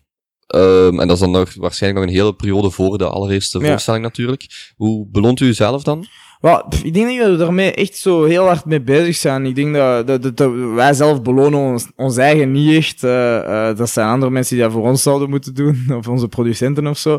Maar, uh, maar omdat we altijd, we zijn in een constante drive van zoveel mogelijk films te maken en zoveel mogelijk films te kunnen blijven maken. Dus wanneer de film af is en gedraaid en, en wat, het, is, het, is, het is aan de wereld gegeven, wij zijn al in modus, oké, hoe gaan we doen om zo snel mogelijk de volgende film te maken? Dus we kijken niet te veel naar achter, we moeten echt gewoon blijven gaan en naar het volgende. Dus we hebben zoiets van, dat succes van een film proberen we te gebruiken, de momentum om direct, hey, we zijn bezig met een volgende. Dat is wat we, wat we vooral proberen te doen. Ja, en um, hoe reageert u dan bijvoorbeeld op mensen die film maar niks vinden?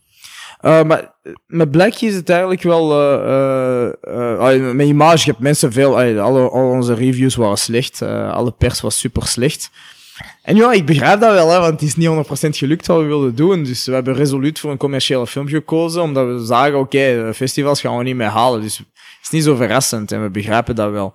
Maar blijk de reviews die we kregen, of de, de, de mensen die, die reacties hebben, dat zijn nooit echt op de kwaliteiten van de film, maar meer voor, ik, zal, ik noem dat eigenlijk politieke of socio, sociologische redenen. Dus bijvoorbeeld mensen die zeggen, waarom moest er zoveel geweld zijn? Waarom, waarom moest je een verkrachting tonen? Waarom moest er seks zijn in de film? Waarom, waarom toont je de, de Afrikaanse bendes gewelddadiger dan de Marokkaanse bendes? Wel, dat zijn allemaal dingen die ik wel begrijp, maar dat heeft niks te maken met de filmische kwaliteiten van de film. Tacteer, de regie, visueel enzovoort. Zelfs de reviews die minder positief waren uh, tegen ons, waren eigenlijk op dat aspect nog wel positief. Dus, uh, dus ja, ik, ik ben altijd bereid om in discussie te gaan en uit te leggen waarom dat we die bepaalde keuzes hebben gedaan. Mm -hmm krijgt u soms die commentaren nog effectief? Echt, echt gewoon destructieve commentaren? Ja, ja, sommige mensen zeggen ook dat we een racistische film hebben gedaan. Andere mensen vinden gewoon film niet goed. Hè. Dus je spreekt er niet aan, vinden dat Hollywood bullshit. Ja, geen probleem, want, want wij, wij leren bij. Hè. Ik vind dat wel niet erg. Ik vind ja, is goed. Uh, ik kan beter omgaan met slechte kritiek dan met goede kritiek, omdat ja, goede kritiek, denk je, het is allemaal tof, maar we moeten evolueren. Het motiveert je misschien ook meer om, uh, om het beter te doen of, of dingen ja, achterop te Ja, je leert bij en je denkt dan, uh, wij weten hoeveel fouten we gemaakt hebben aan de film. een aantal fouten heeft niemand gezien, dus dat is goed. uh, maar wij weten, wij weten dat wel en, en dan moeten we proberen de volgende film beter te doen of, of anders in elk geval. Ondertussen werd je ook even slimste mens ter wereld. Was daar iedereen positief over? Ja, iedereen was daar wel positief Ja, dat was wel... Uh, daar is unaniem positiviteit. Dat is geen probleem, niks slechts enzovoort. En, en hoe, hoe zou dat tot stand gekomen zijn, denkt u? Dat, dat iedereen daar zo positief over was? Ja, ik weet, ik weet niet. Ik weet eigenlijk niet. Ik denk, uh, ja... Uh, ja, dat is, dat is echt zo. Dat is echt zoiets... Maakt niet uit welke origine of whatever dat je bent of zo. Mensen zijn er super positief over. Dus, uh, dus ik denk, het is, het is een familieprogramma, het is een quiz. Uh, iedereen kijkt er wel naar, graag, uh, graag naar. Het is ook positive vibes. het is niet zo zwartgallig als de films die we maken misschien. Dus daarom dat, dat iedereen daar zo, zo positief over is. Het is echt een moment waarbij dat familie bij elkaar komt en goed lachen enzovoort. Het is, het is, het is heel grappig, hè. En, en ik denk dat dat, dat, dat wel ervoor zorgt dat, dat mensen dan ja, daar gelukkig van worden van dat programma. En dus als ze mij zien in context van, van, van dat quizprogramma, dat ze zoiets hebben van, hey, goeie. Of... Weet je nog hoe dat, dat in zijn werk ging toen u gecontacteerd werd bijvoorbeeld? Was dat direct, ja, ik wil dat Nee, dat was direct nee. Direct nee? ja, ja, dat was echt, ik heb nee gezegd. Ik had er, vroeger was een mat van mij, die had meegedaan, ook een regisseur, regisseur van Dardenne, Robin Pront. En ik weet nog, toen hij, had mee, toen hij ging meedoen, dan had ik zoiets van, ja, oké, maar ik ga dat nooit meedoen. Ik ga dat nooit doen. Regisseurs moeten niet meedoen met programma's die niks te maken hebben met, met hun job. dat is wat ik zei. Dus uh, ja, toen ik de vraag kreeg van, uh, van, van mee te doen, had ik zoiets van, oh nee, nu moet ik toch wel mijn principe kunnen volhouden. Fuck dat, ik doe niet mee. En ik was ook natuurlijk zeer zenuwachtig. Ik had echt zoiets van, pff, ik wil niet, uh, ik wil niet afgaan voor iedereen, uh, zodat dat heel Vlaanderen gaat weten hoe stoem dat ik ben. dus ik heb nee gezegd, uh, maar ik, ik, moest wel een caféronde doen. Dus ik ben toch een caféronde gaan doen om eens te zien. een caféronde? Ja, een caféronde is eigenlijk zo, als ze kandidaten vragen om mee te doen, dan mogen ze allemaal eens, eens komen. Op, gewoon in een café ergens in Antwerpen met Erik van Looy en een aantal potentiële kandidaten. En dan speelt je gewoon een rondje slimste mens. En um, om even te zien of dat, dat u liegt, of dat je leuk vindt, maar ook de, de producenten zelf zien of dat je een toffe kandidaat zou zijn of zo. En, uh, en dan blijkbaar had ik een heel hoge score, want Erik van Loo heeft mij dan zo echt zo zitten stalken. Zo, ja, ik moet ik meedoen, yes. dus, uh, dus uiteindelijk, ik werd een beetje gepusht ook door, de, door mijn team. Want die image ging uitkomen in de periode en, en we, hadden, we hadden geen budget voor reclame, dus dat wel, is gewoon reclame geweest, ook al was dat maar één keer. Dus dan heb ik maar meegedaan voor die ene keer. En uiteindelijk uh, dan ja, toch uiteindelijk iets langer dan, dan Een goed gevoel dan? Bevestiging van, van uw intelligentie? al Nee, totaal niet. Nee, omdat, ja, ik wil, je, je- soms is dat geluk, hè. Eh, eh, dus dat is ook de bevestiging van, van gewoon snel zijn, snel antwoorden geven. En, en net niet, niet te veel stressen. Maar, maar nee, dat is... Weet je, iedereen kan dat in principe, iedereen kan dat winnen. Hè? Dus, eh, dus je hebt mensen die veel intelligenter zijn dan mij, die het niet hebben gewonnen. En ik weet niet of dat mensen stoemer zijn dan mij die het Nee. gewonnen hebben, maar ik beschouw mij niet als een van de slimste in elk geval die dat gewonnen heeft. Maar dat is wel zot van te zien hoe populair dat, dat programma kan, kan zijn. Ja, hoe populair u het kan maken, of, of Ja. toch kan, kan helpen. Hè? Ja, maar dat heeft toch in elk geval wel geholpen voor de film. En bij gevolg heeft dat geholpen voor Black. Want Black is wel een moeilijke film, is heel gewelddadig, is in het Frans en zo. En we wisten wel dat we alles gingen nodig hebben om toch box-office gewijs te overleven. Dus, eh, dus daarom is dat wel goed. Maar voor mijn persoon is dat volstrekt fucking nutteloos. Maar het, geeft u wel een, een goed gevoel, denk ik dan.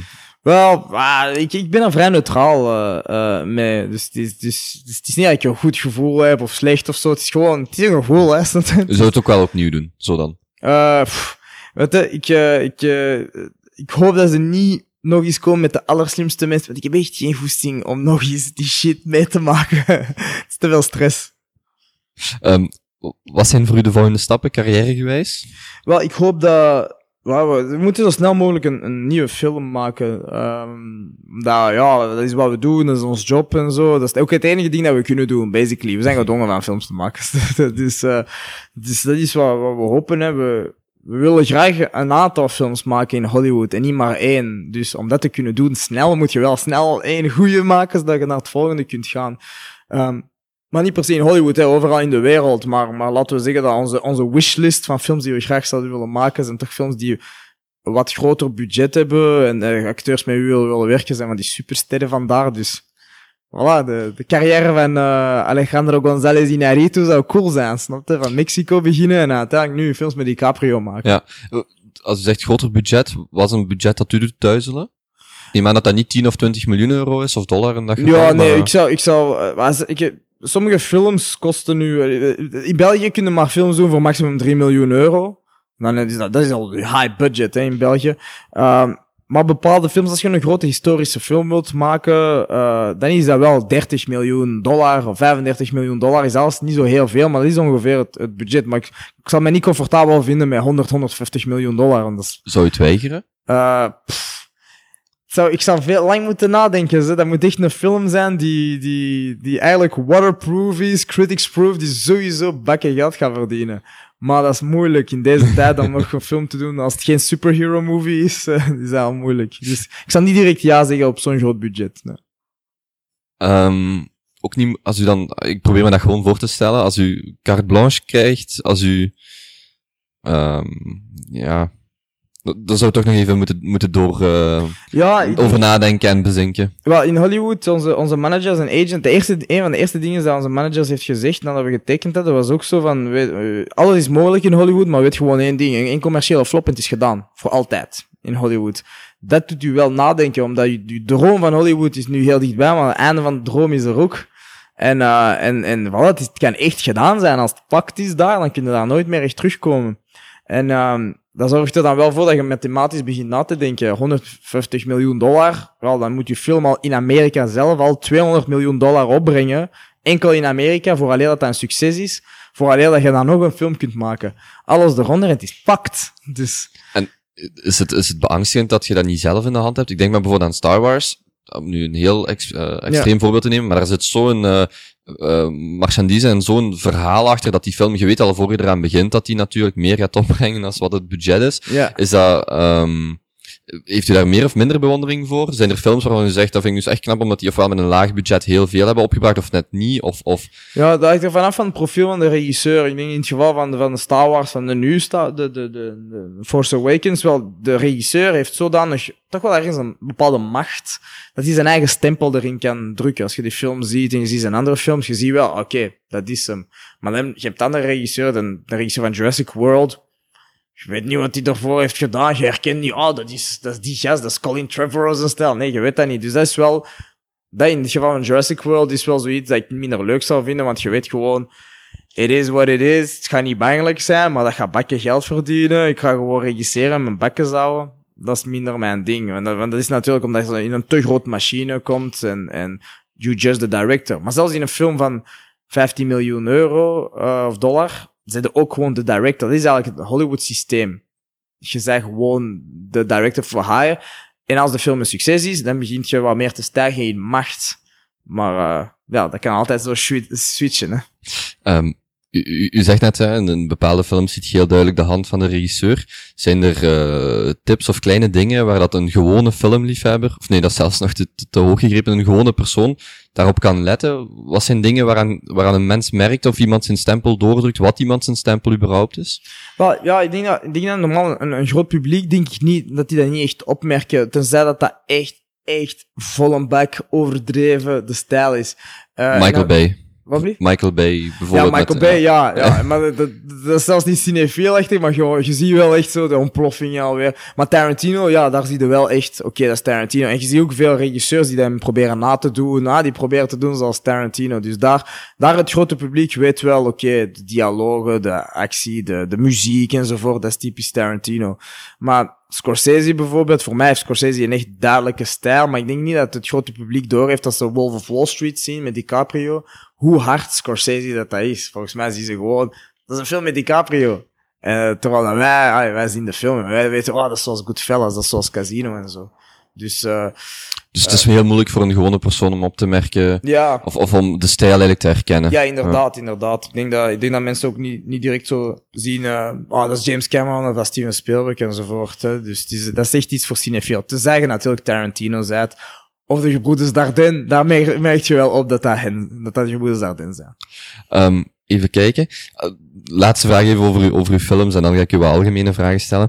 Um, hoe meet u dan uw succes? Bijvoorbeeld Black is, is wat zijn uw parameters om te weten of de film al dan niet succesvol is? Zijn dat de, kritiek, de kritische reacties, het aantal bezoekers, ja. het aantal vrienden dat tegen u zegt was goed of het was niet goed? Ja, dat is, uh, dat is een, uh, dat is eigenlijk een, een, een vrij mathematische uh, berekening. Um, in België, hè, in België is dat zo. In België zie je gewoon, zowel bij Image als bij Black, wat de beoogde box-office is. En halen we dat of stijgen we dat? Zijn we daarover of zijn we daaronder? Dat is vrij mathematisch. In het geval van, uh, van, van Image werd er gehoopt op 45.000 kijkers en daar hebben we 80.000 kijkers mee gehaald. Het geval van uh, Black was 80.000 kijkers, 90.000 kijkers en dan hebben we nu, zitten we aan bijna 180.000 kijkers. Dus ça va. dat is goed als we, als we, als we het getal beogen, dat, dat, dat wordt uh, geschat en we zijn daarover, dat is het succes. En natuurlijk zie je dan ook wel de reviews, als, als de reviews meezitten, dan is dat nog een groter succes. En als dat niet is, wow, belangrijker publiek is. We zullen altijd kiezen voor een publiek succes dan voor een, uh, een kritiek succes. Want als, als alle reviews achter u zitten, maar niemand heeft de film gezien, ja, dan is de fucked ook. Hè? En ze zijn eigenlijk harder fucked dan als de reviews uh, dan een tegenstelde. We willen veel liever, oké, het publiek is massaal gaan zien, de reviews waren kijk, oké, oké, okay, wow, uh, is niet erg, maar tien mensen die je film kek vinden, of honderdduizend mensen die je film goed gaan zien, je weet wat de prioriteiten zijn. Liever 500.000 bezoekers en een minder goede review, als ja. andersom. Ja, sowieso. Een fantastische review en, en tien man en een paardenkop die het ja, gaan zien. Ja, absoluut, want, want de, de, pijn is ook minder groot. Hè. Dat is echt, is echt uh, publiek die naar je film gaat kijken, dat is echt je job. Je kunt je job blijven doen. Je weet, oké, okay, we kunnen de film gaan maken Reviews slecht, oké, okay, we leren bij, we zullen proberen ons best te doen. Reviews goed, film niemand is gaan zien. Hey, vraagtekens over de toekomst, hè? Dan weet je niet echt. Uh, die tien mensen die gaan u niet helpen voor een film te maken daarna. Hè? nee, hoe kritisch ze ook zijn dan. Hè? Ja.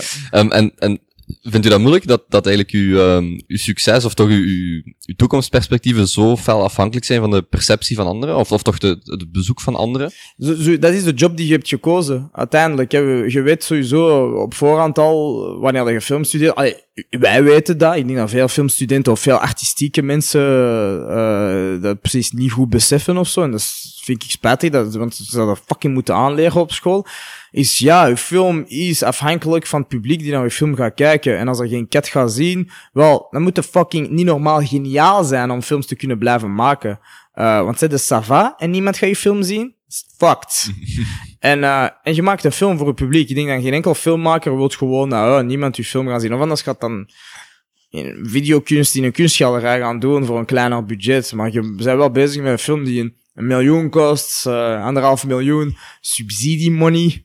Dat is niet gewoon om je hobby te gaan, te gaan financieren. Het is wel een film voor veel verantwoordelijkheid. En, en ja, dat motiveert wel om, om je films te maken voor, voor een breed publiek. En ik denk, ik geloof erin dat, dat je de twee kunt doen. Ik denk, want het bewijs is er. Uh, Michael Roskam, uh, Felix van Groeningen, dat zijn twee regisseurs die hun eigen stijl hebben, hun eigen stempel. In principe, volgens de, strikt, de strikte regels, zouden hun films niet zoveel succes hebben, maar dat zijn zodanig goede films, die ook een publiek aantrekken, uh, en die ook, die ook goed gemaakt zijn, dat, dat bewijst ons van het, het kan. Je kunt iets artistieks doen en eigenzinnigs, en nog 500.000 kijkers mee halen. Mm -hmm. En, uh, en dan is het niet of-of. Het is niet of artsy, weinig kijkers, commercieel, veel kijkers. Nee, het, is, het is voor u dan de uitdaging om gewoon die balans te vinden. Ja, en dan, ja, als ja. zij het kunnen, dat, dat motiveert meer. En dan heb je gewoon meer pressure, meer, uh, meer verantwoordelijkheid. Maar je moet er wel voor gaan. Anders, anders is het te vrijblijvend, volgens mij. Ja.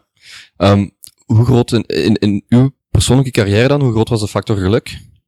Kei veel. Constant. Geluk is er altijd. Uh, want maar je moet zeggen, we hebben geluk dat we Marokkanen zijn, om te beginnen. Want ik denk als we gewoon Jan of Peter zouden heten en afgestudeerd zijn, wat maakt ons specialer dan de anderen? Geen zak, zou ik zeggen. we zijn er een van de zoveel. Dertien in een fucking dozijn. Maar het feit dat we Marokkanen zijn, maakt ons speciaal. Dat wil zeggen, ah ja, oké, die gesten, we zien geen filmmakers van Marokkaanse origine en die verhalen worden niet verteld. Dus we gaan hen een kans geven om die verhalen te vertellen. Geluk nummer in, één. in België, in België. In, België. Hollywood speelt dat niet zo meer. Nee, dat maakt geen zak uit. Okay. Okay. Hollywood, die zijn pragmatisch. Maakt niet uit wat voor ras dat je zet, zolang you make, you make money, you come. um, en dat, is, dat was wel in België, die positieve discriminatie is sowieso een geluk. En wij hebben daar gretig van gebruik gemaakt. Dus, uh, dus dat is, dat is een, een van de enige sectoren waar dat we dat kunnen gebruiken. In alle andere sectoren is dat fuck als je Marokkaan bent. Maar het feit dat we dat hebben gekozen en dat we Marokkaan zijn was een pluspunt. Um, en, uh, Raadt u dat ook iedereen aan, van buitenlandse origine? Speel dat uit als je dat kunt? Als je dat kunt, sowieso. ja, maar je moet dat uitspelen op alle mogelijke manieren, want dat wordt genoeg gebruikt tegen u negatief. Wel, use the card, man. dus uh, uh, het geluk dat we Michael Roskam hebben ontmoet, in ook een kruispunt van zijn leven, waarbij dat die, die... Michael Roskam was gewoon een kortfilmregisseurtje die af en toe eens een, een, een een, een reclameke mocht maken enzovoort. Hij had, hij had videokunst gedaan, maar hij had nog geen runskop gedaan. En op dat moment leren we hem kennen. En, en hij heeft maar vijf jaar lesgegeven aan Sint-Lucas, maar die vijf jaar waren de vijf jaar waar wij zaten. Dus we hebben hem helemaal uh, meegemaakt als docent. En dat is super cool om hem te leren kennen. Of uh, een andere mentor. En dat was puur geluk eigenlijk, Dat is puur geluk ja, dat, ja. dat, wij toen op dat moment daar waren. Um, Nabil Benyadir, een andere regisseur die ook een gro onze grote broer is, regisseur van Les Barons. Uh, ja, je leert hem toevallig kennen in een café in Molenbeek in dezelfde periode. Zo, hè. Je zegt, hé, hey, is het jij die regisseur? Klik, direct, een broeder. En, uh, en ja, dat, dat zijn die dingen. Het feit dat we, dat we Black toevallig hebben gelezen en toevallig gingen ze een film van maken en toevallig hebben we gezegd, pak ja, we gaan ervoor gaan. Het geluk dat we een, een prijs winnen met onze kortfilm en dat zorgt ervoor dat we image kunnen maken en, en dat, we, dat we de mensen kunnen overtuigen van Black aan ons te geven.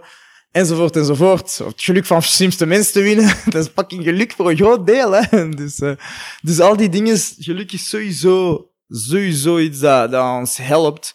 Uh, maar je moet er wel goed gebruik van kunnen maken. Je moet, uh, je moet wel weten, oké, je moet altijd denken van worst case scenario, maar ook denken best case scenario. Zodat als, als er toch iets goed gebeurt, dat je weet, oké, we hebben nu geluk voor deze. Hoe gaan we dat gebruiken? Hoe gaan we maximizen, zodat we de meest profijt uit kunnen halen?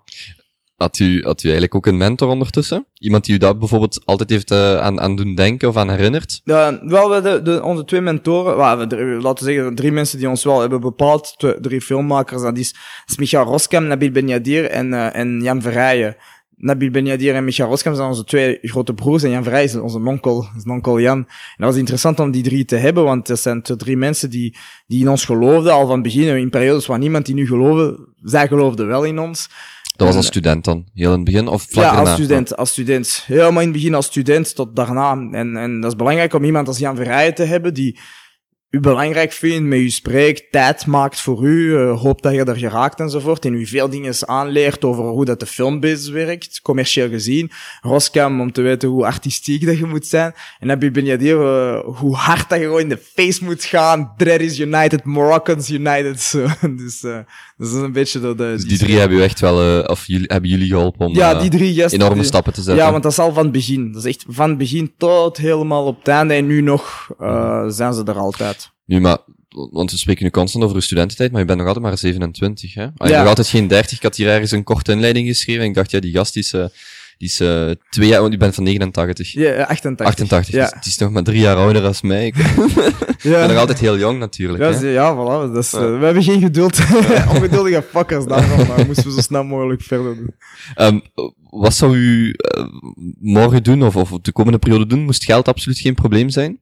Wel, pff, als geld geen probleem zou zijn, wel, dan zouden, dan zouden gewoon de films kunnen maken die je wilt maken. dan zouden je tijd kunnen spenderen met, allee, we zijn dat nu aan, allee, eigenlijk zijn we dat nu ook aan het doen, alleen maar zijn we aan het afzien financieel.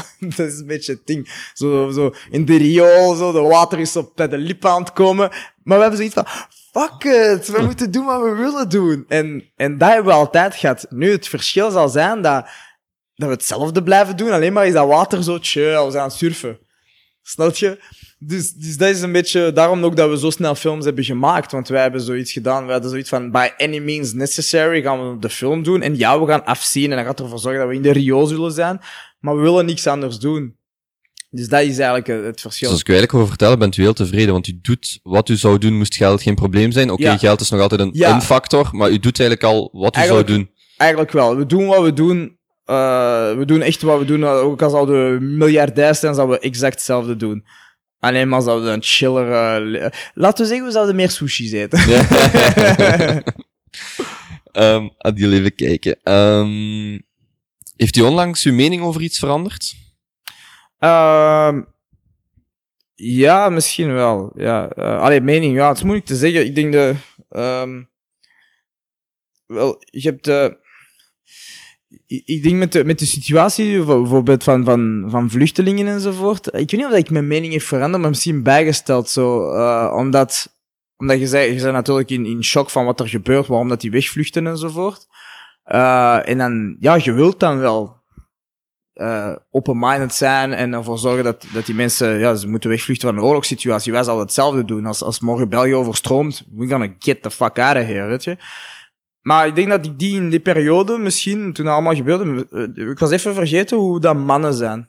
Mannen zijn assholes, zijn motherfuckers. Maakt niet uit welke cultuur, origine, religie dat je hebt. Mannen zijn fucking echt doorheen de geschiedenis hebben zich bewezen als gewelddadige motherfuckers die graag vrouwen misbruiken en andere mannen misbruiken en dingen kapot willen maken en destructie. Dat is misschien een beetje het ding dat we vergeten zijn, is ja, bij, bij vluchtelingen die gaan komen, gaan er mannen zijn. En het probleem is niet dat ze van Afghanistan of van Irak komen of Syrië, of dat vluchtelingen zijn of dat moslims zijn. Nee, het probleem is dat dat mannen zijn.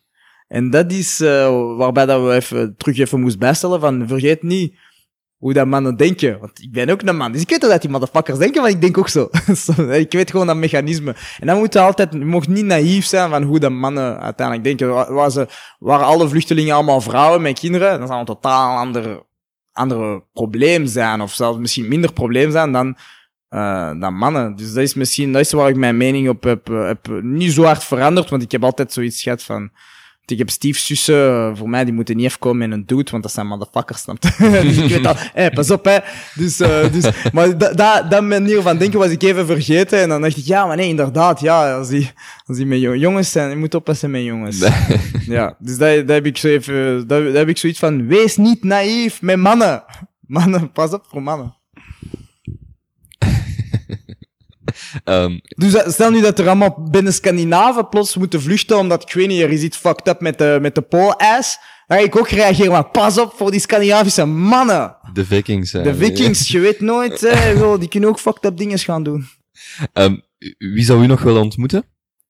Uh, pff, er zijn een aantal. We zijn natuurlijk filmmakers, maar, uh, maar ik denk Martin Scorsese, Martin Scorsese, Oliver Stone, Steven Spielberg. Dat is zo'n beetje die, die regisseurs die we graag echt graag zouden willen ontmoeten, omdat die zo'n grote invloed hebben gehad op, uh, op, op ons als filmmakers. En, en, uh, en ja, dat zou wel, dat zou wel cool zijn om die te zien.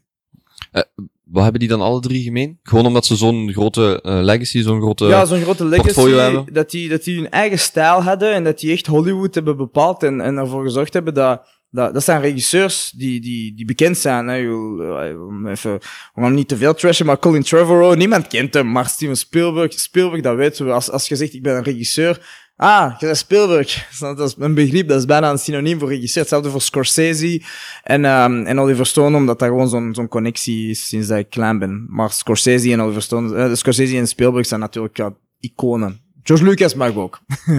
Zou, zou hen iets vragen? Of gewoon eens een uurtje mee meelopen of een dag mee meelopen? Ja, ik, ik weet, dat zal zoveel dingen zijn die ik graag zou willen vragen. Dat, dat, dat, dat is moeilijk te zeggen. Ik weet niet wat ik zou, wat ik zou zien. Ik zou, ik zou graag onze films willen tonen en, uh, en daarover praten dan. Hè. Dat, dat is, uh, het zal tof zijn om, om, het zijn ook, ook volgens mij topleraars, hè, die, die, die veel les kunnen geven. Ik heb, ik heb Francis Ford Coppola ontmoet in, uh, in Marrakesh. En um, dat is de regisseur van The Godfather en Apocalypse Now. En dat is gewoon cool om te zien hoe, hoe hard dat hij van films houdt en hoe hard dat hij films analyseert en zijn interpretatie daarvan. Dat is, we waren met hem zo uh, aan het horen, aan, aan het praten en, en dat is alsof dat we naar school gingen met de coolste docent ooit. Um, wacht even kijken. is er iets waarin u gelooft, waarin uh, weinig andere mensen u volgen?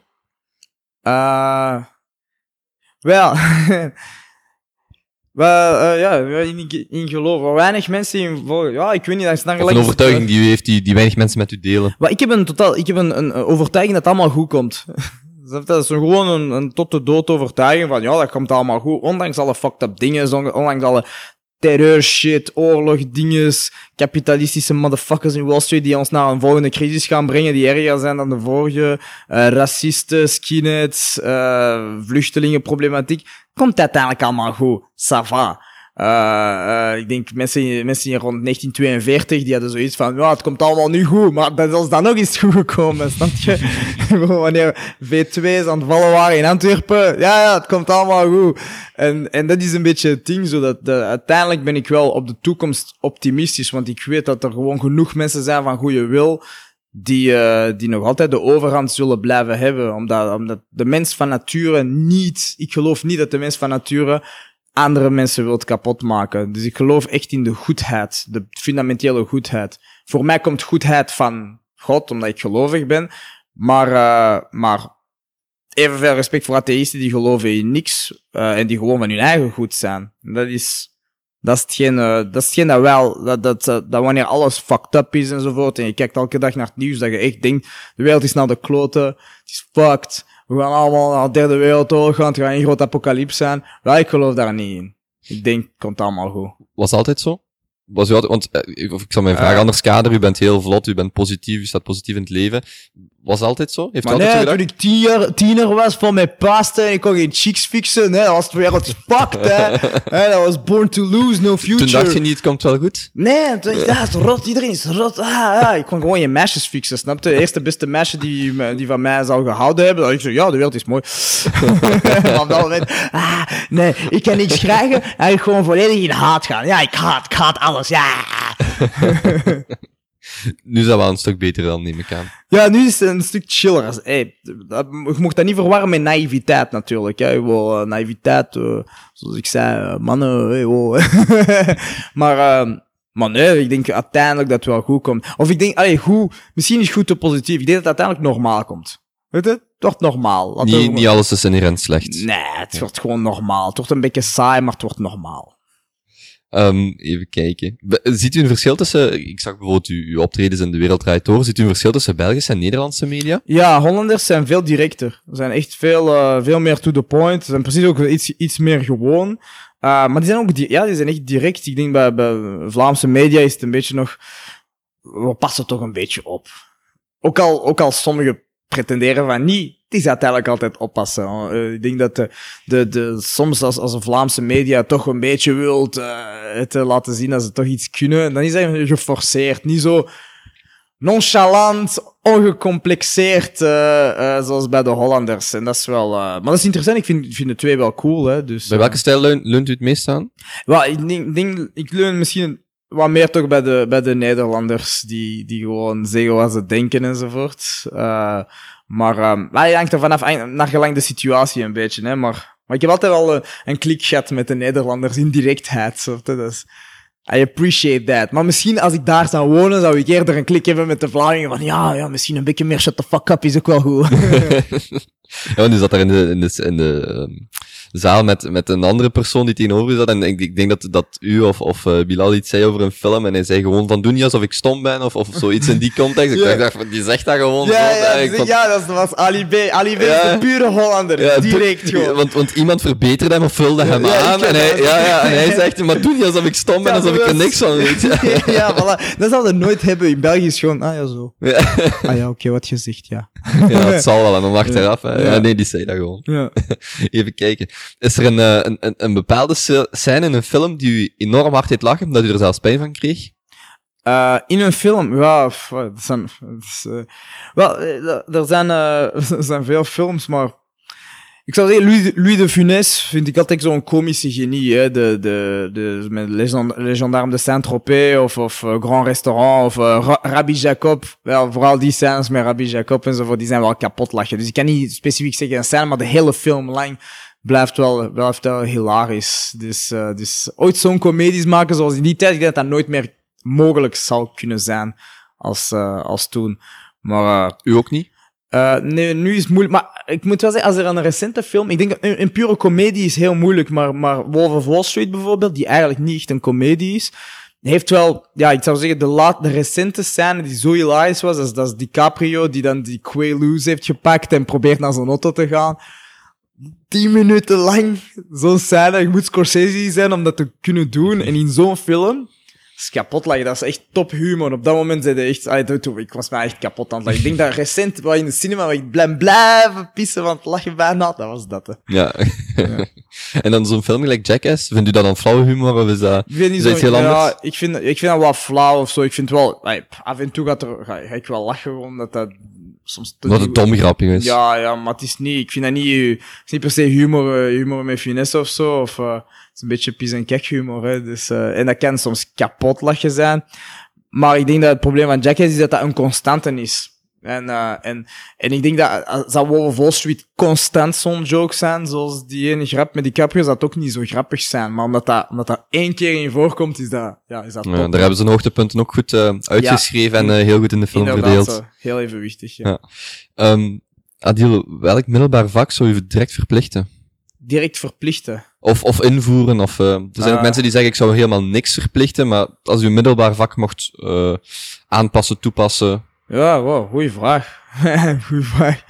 Uh, wel, ik heb, uh, ik heb Latijn gedaan en, en het is natuurlijk een keuze en veel mensen spugen op Latijn. Om, vooral omdat de eerste paar jaren Latijn is gewoon woordjes leren. Dus is fucking boring. Maar de laatste twee, drie jaar was Latijn wel uh, meer leren over de geschiedenis, over literatuur van die tijd, filosofie.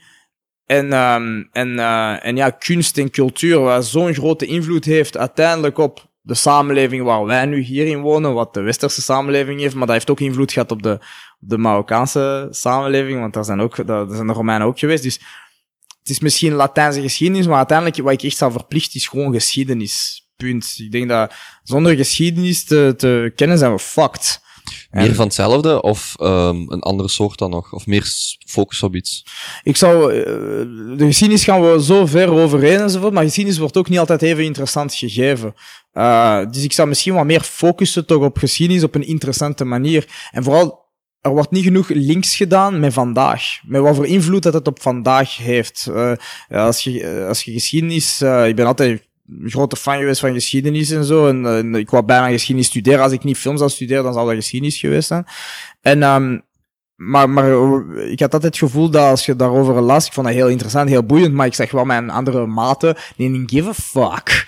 En uh, waarom? Omdat, omdat, ja, je denkt dat dat gewoon in de context is van toen en je hebt er geen enkele connectie meer. Natuurlijk, maakt je een film over dat, of maakt je een film over Gladiator, of over Braveheart, dan heb je een connectie, want je hebt empathie met personages, uh, je voelt mee met mensen en je bent bang voor mensen die, die eigenlijk in een ander tijdperk hebben geleefd, maar toch voelt je iets. En dat is die empathische uh, uh, aspecten die je in cinema hebt, die niet genoeg worden gedaan in, uh, uh, niet genoeg worden aangeleerd in, in, in scholen, waar dat, als je, als je geschiedenis zou leren met empathische dingen, dus verhalen vertellen, dan denk ik dat er een grotere connectie zou hebben.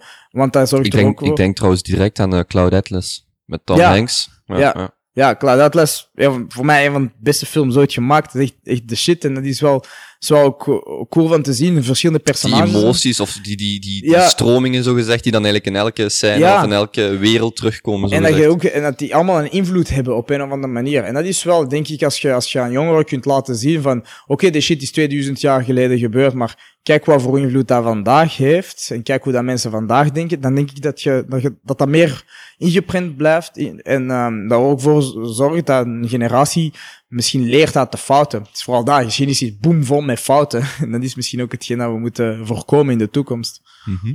Als u 30 seconden zendtijd heeft voor een, voor een boodschap van algemeen nut, wat deelt u met uw landgenoten?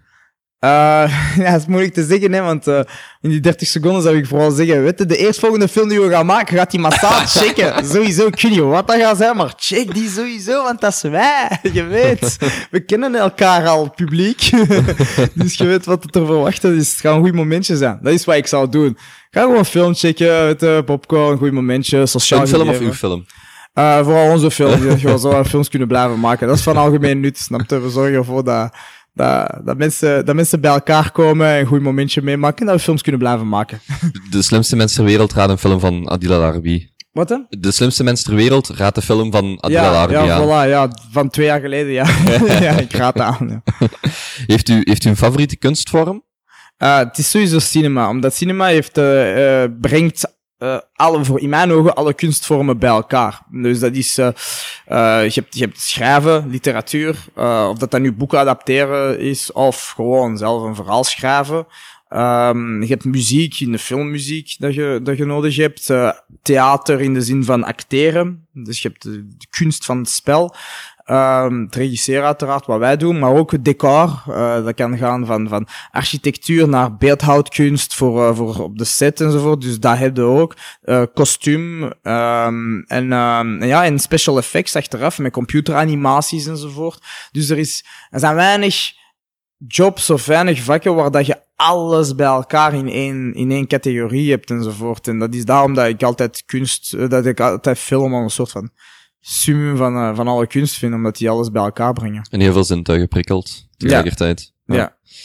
ja. Um, moest je tien jaar terug kunnen gaan? Uh, advies aan uw 18-jarige zelf? Uh, ik ga goed komen met de meisjes, dus...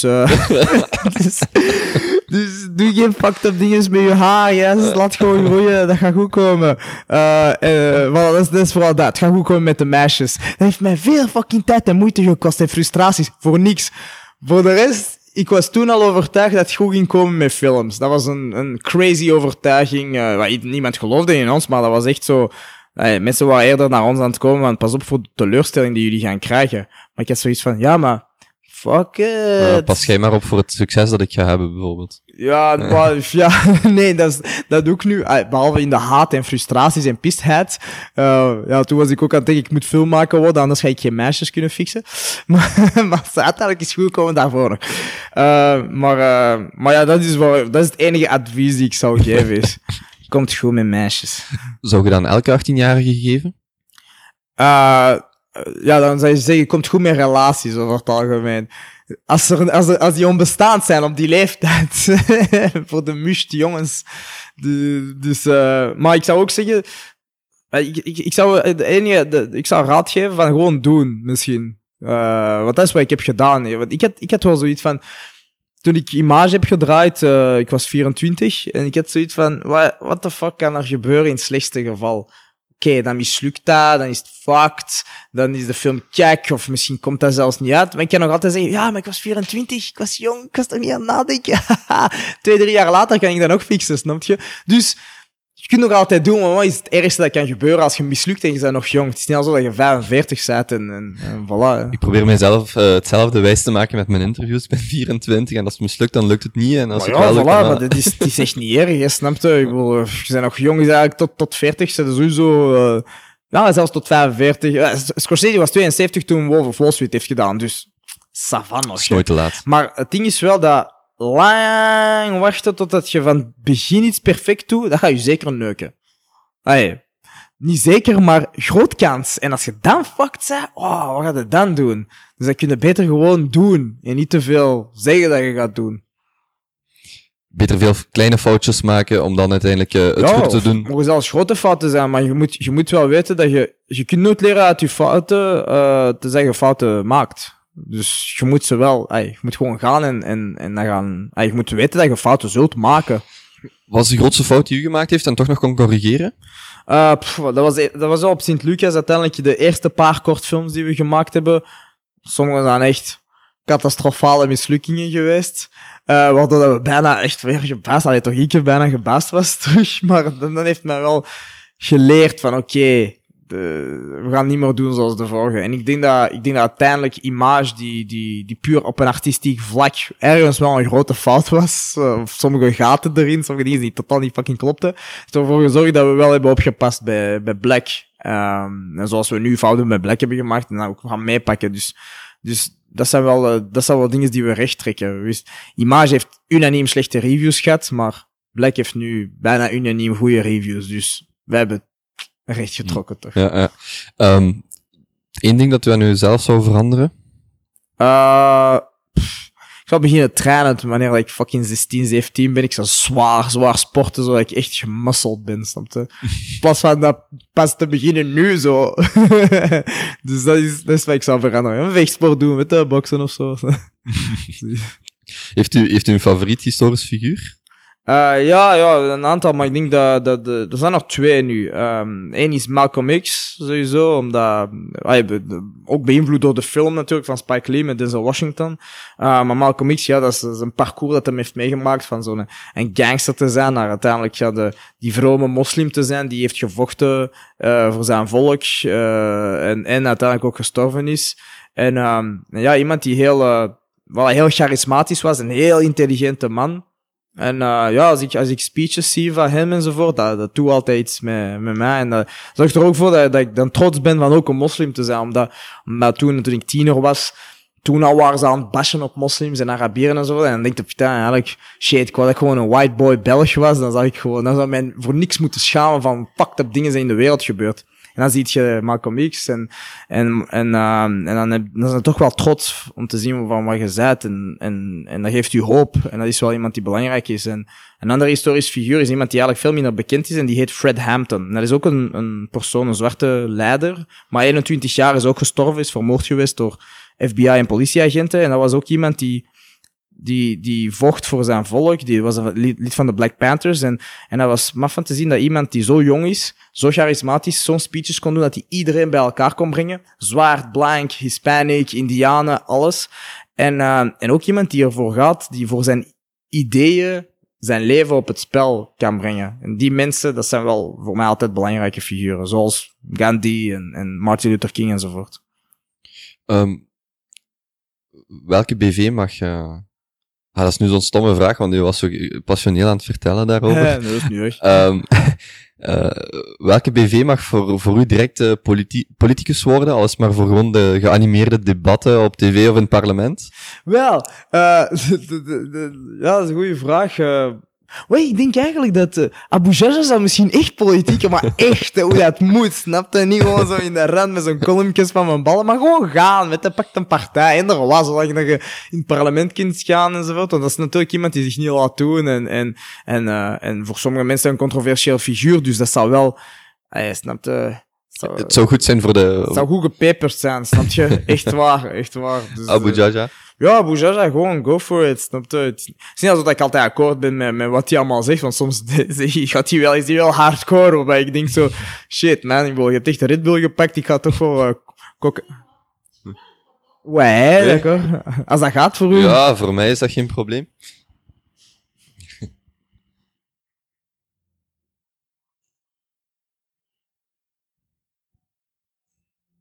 Oké.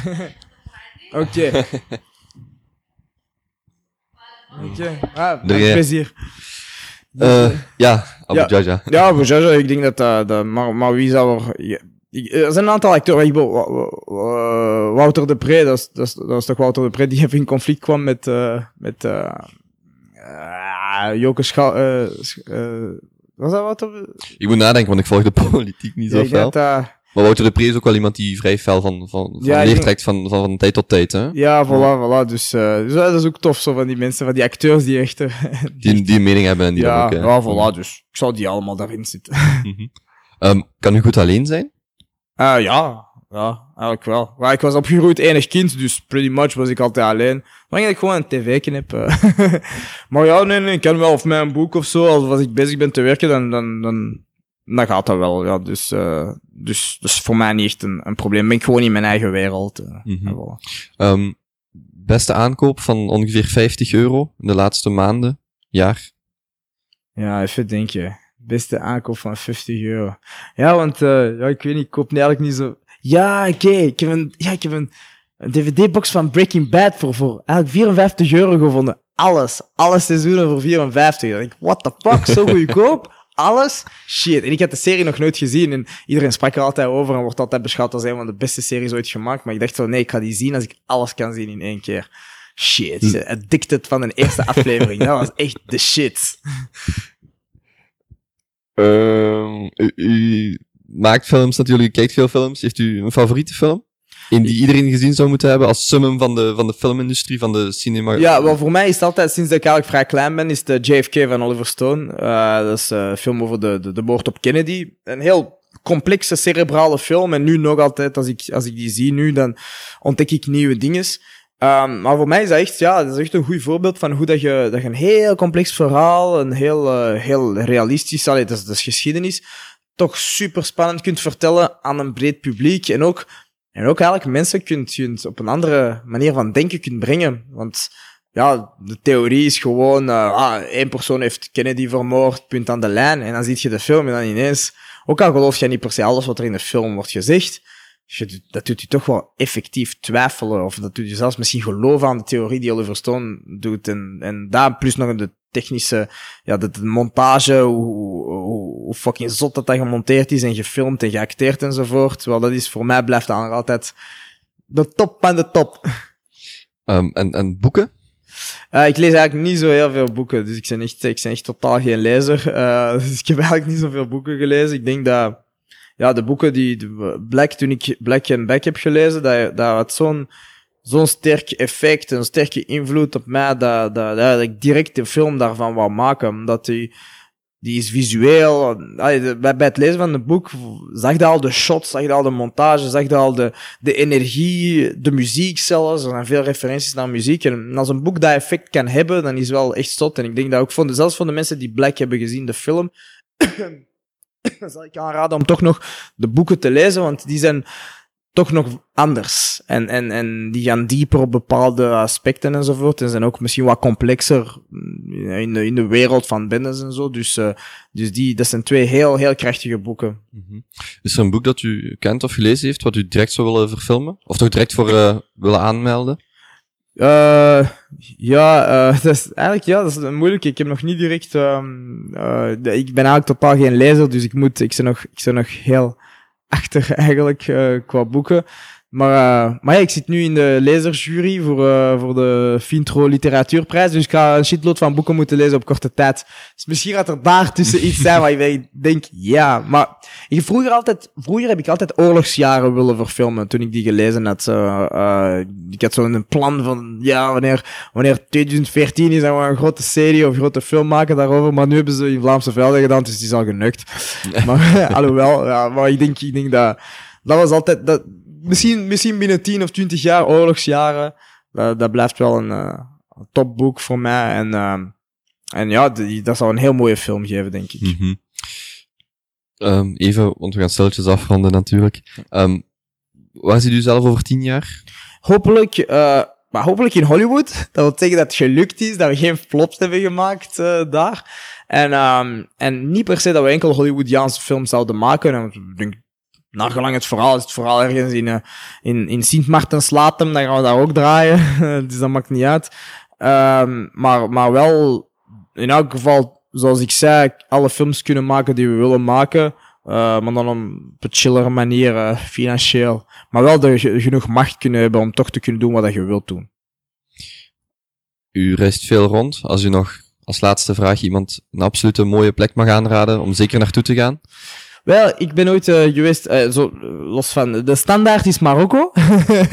Tanger is echt een van de mooiste steden ter wereld. Het wordt mooier met de jaren, dus ik zou sowieso Tanger aanraden. Maar ook, ja, heel Marokko, uh, Marrakesh, ja, ga hier als je, als je Benidorm machtig wilt, wilt meemaken, maar gaan surfen daar, Fez. Dus, dus Marokko is een, echt een prachtig land, is, is een uniek land, omdat dat echt een mengeling is van Arabische cultuur en Afrika. Iets dat je echt in geen enkel ander land uh, kunt vinden. Zelfs niet in Algerije en Tunesië. Dat is echt specifiek Marokko.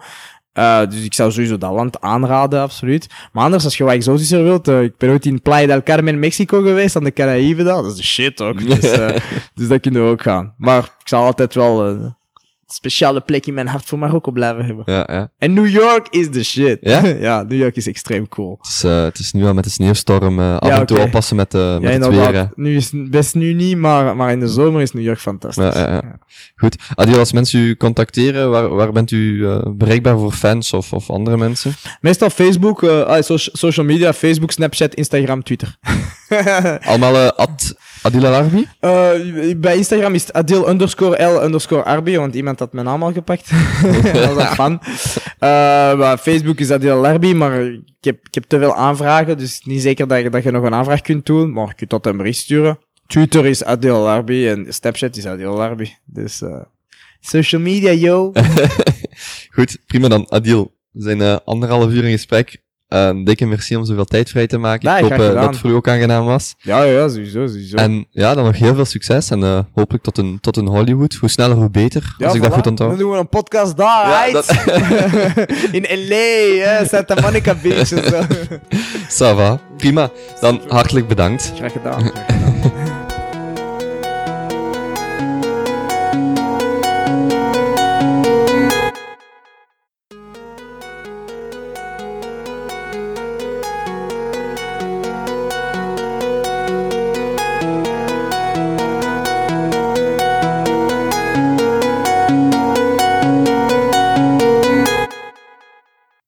Als je deze aflevering interessant vond, zijn er verschillende manieren om de podcast te steunen.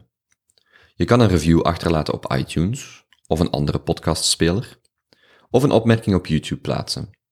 Je kan het op sociale media delen en op je eigen blog of podcast bespreken.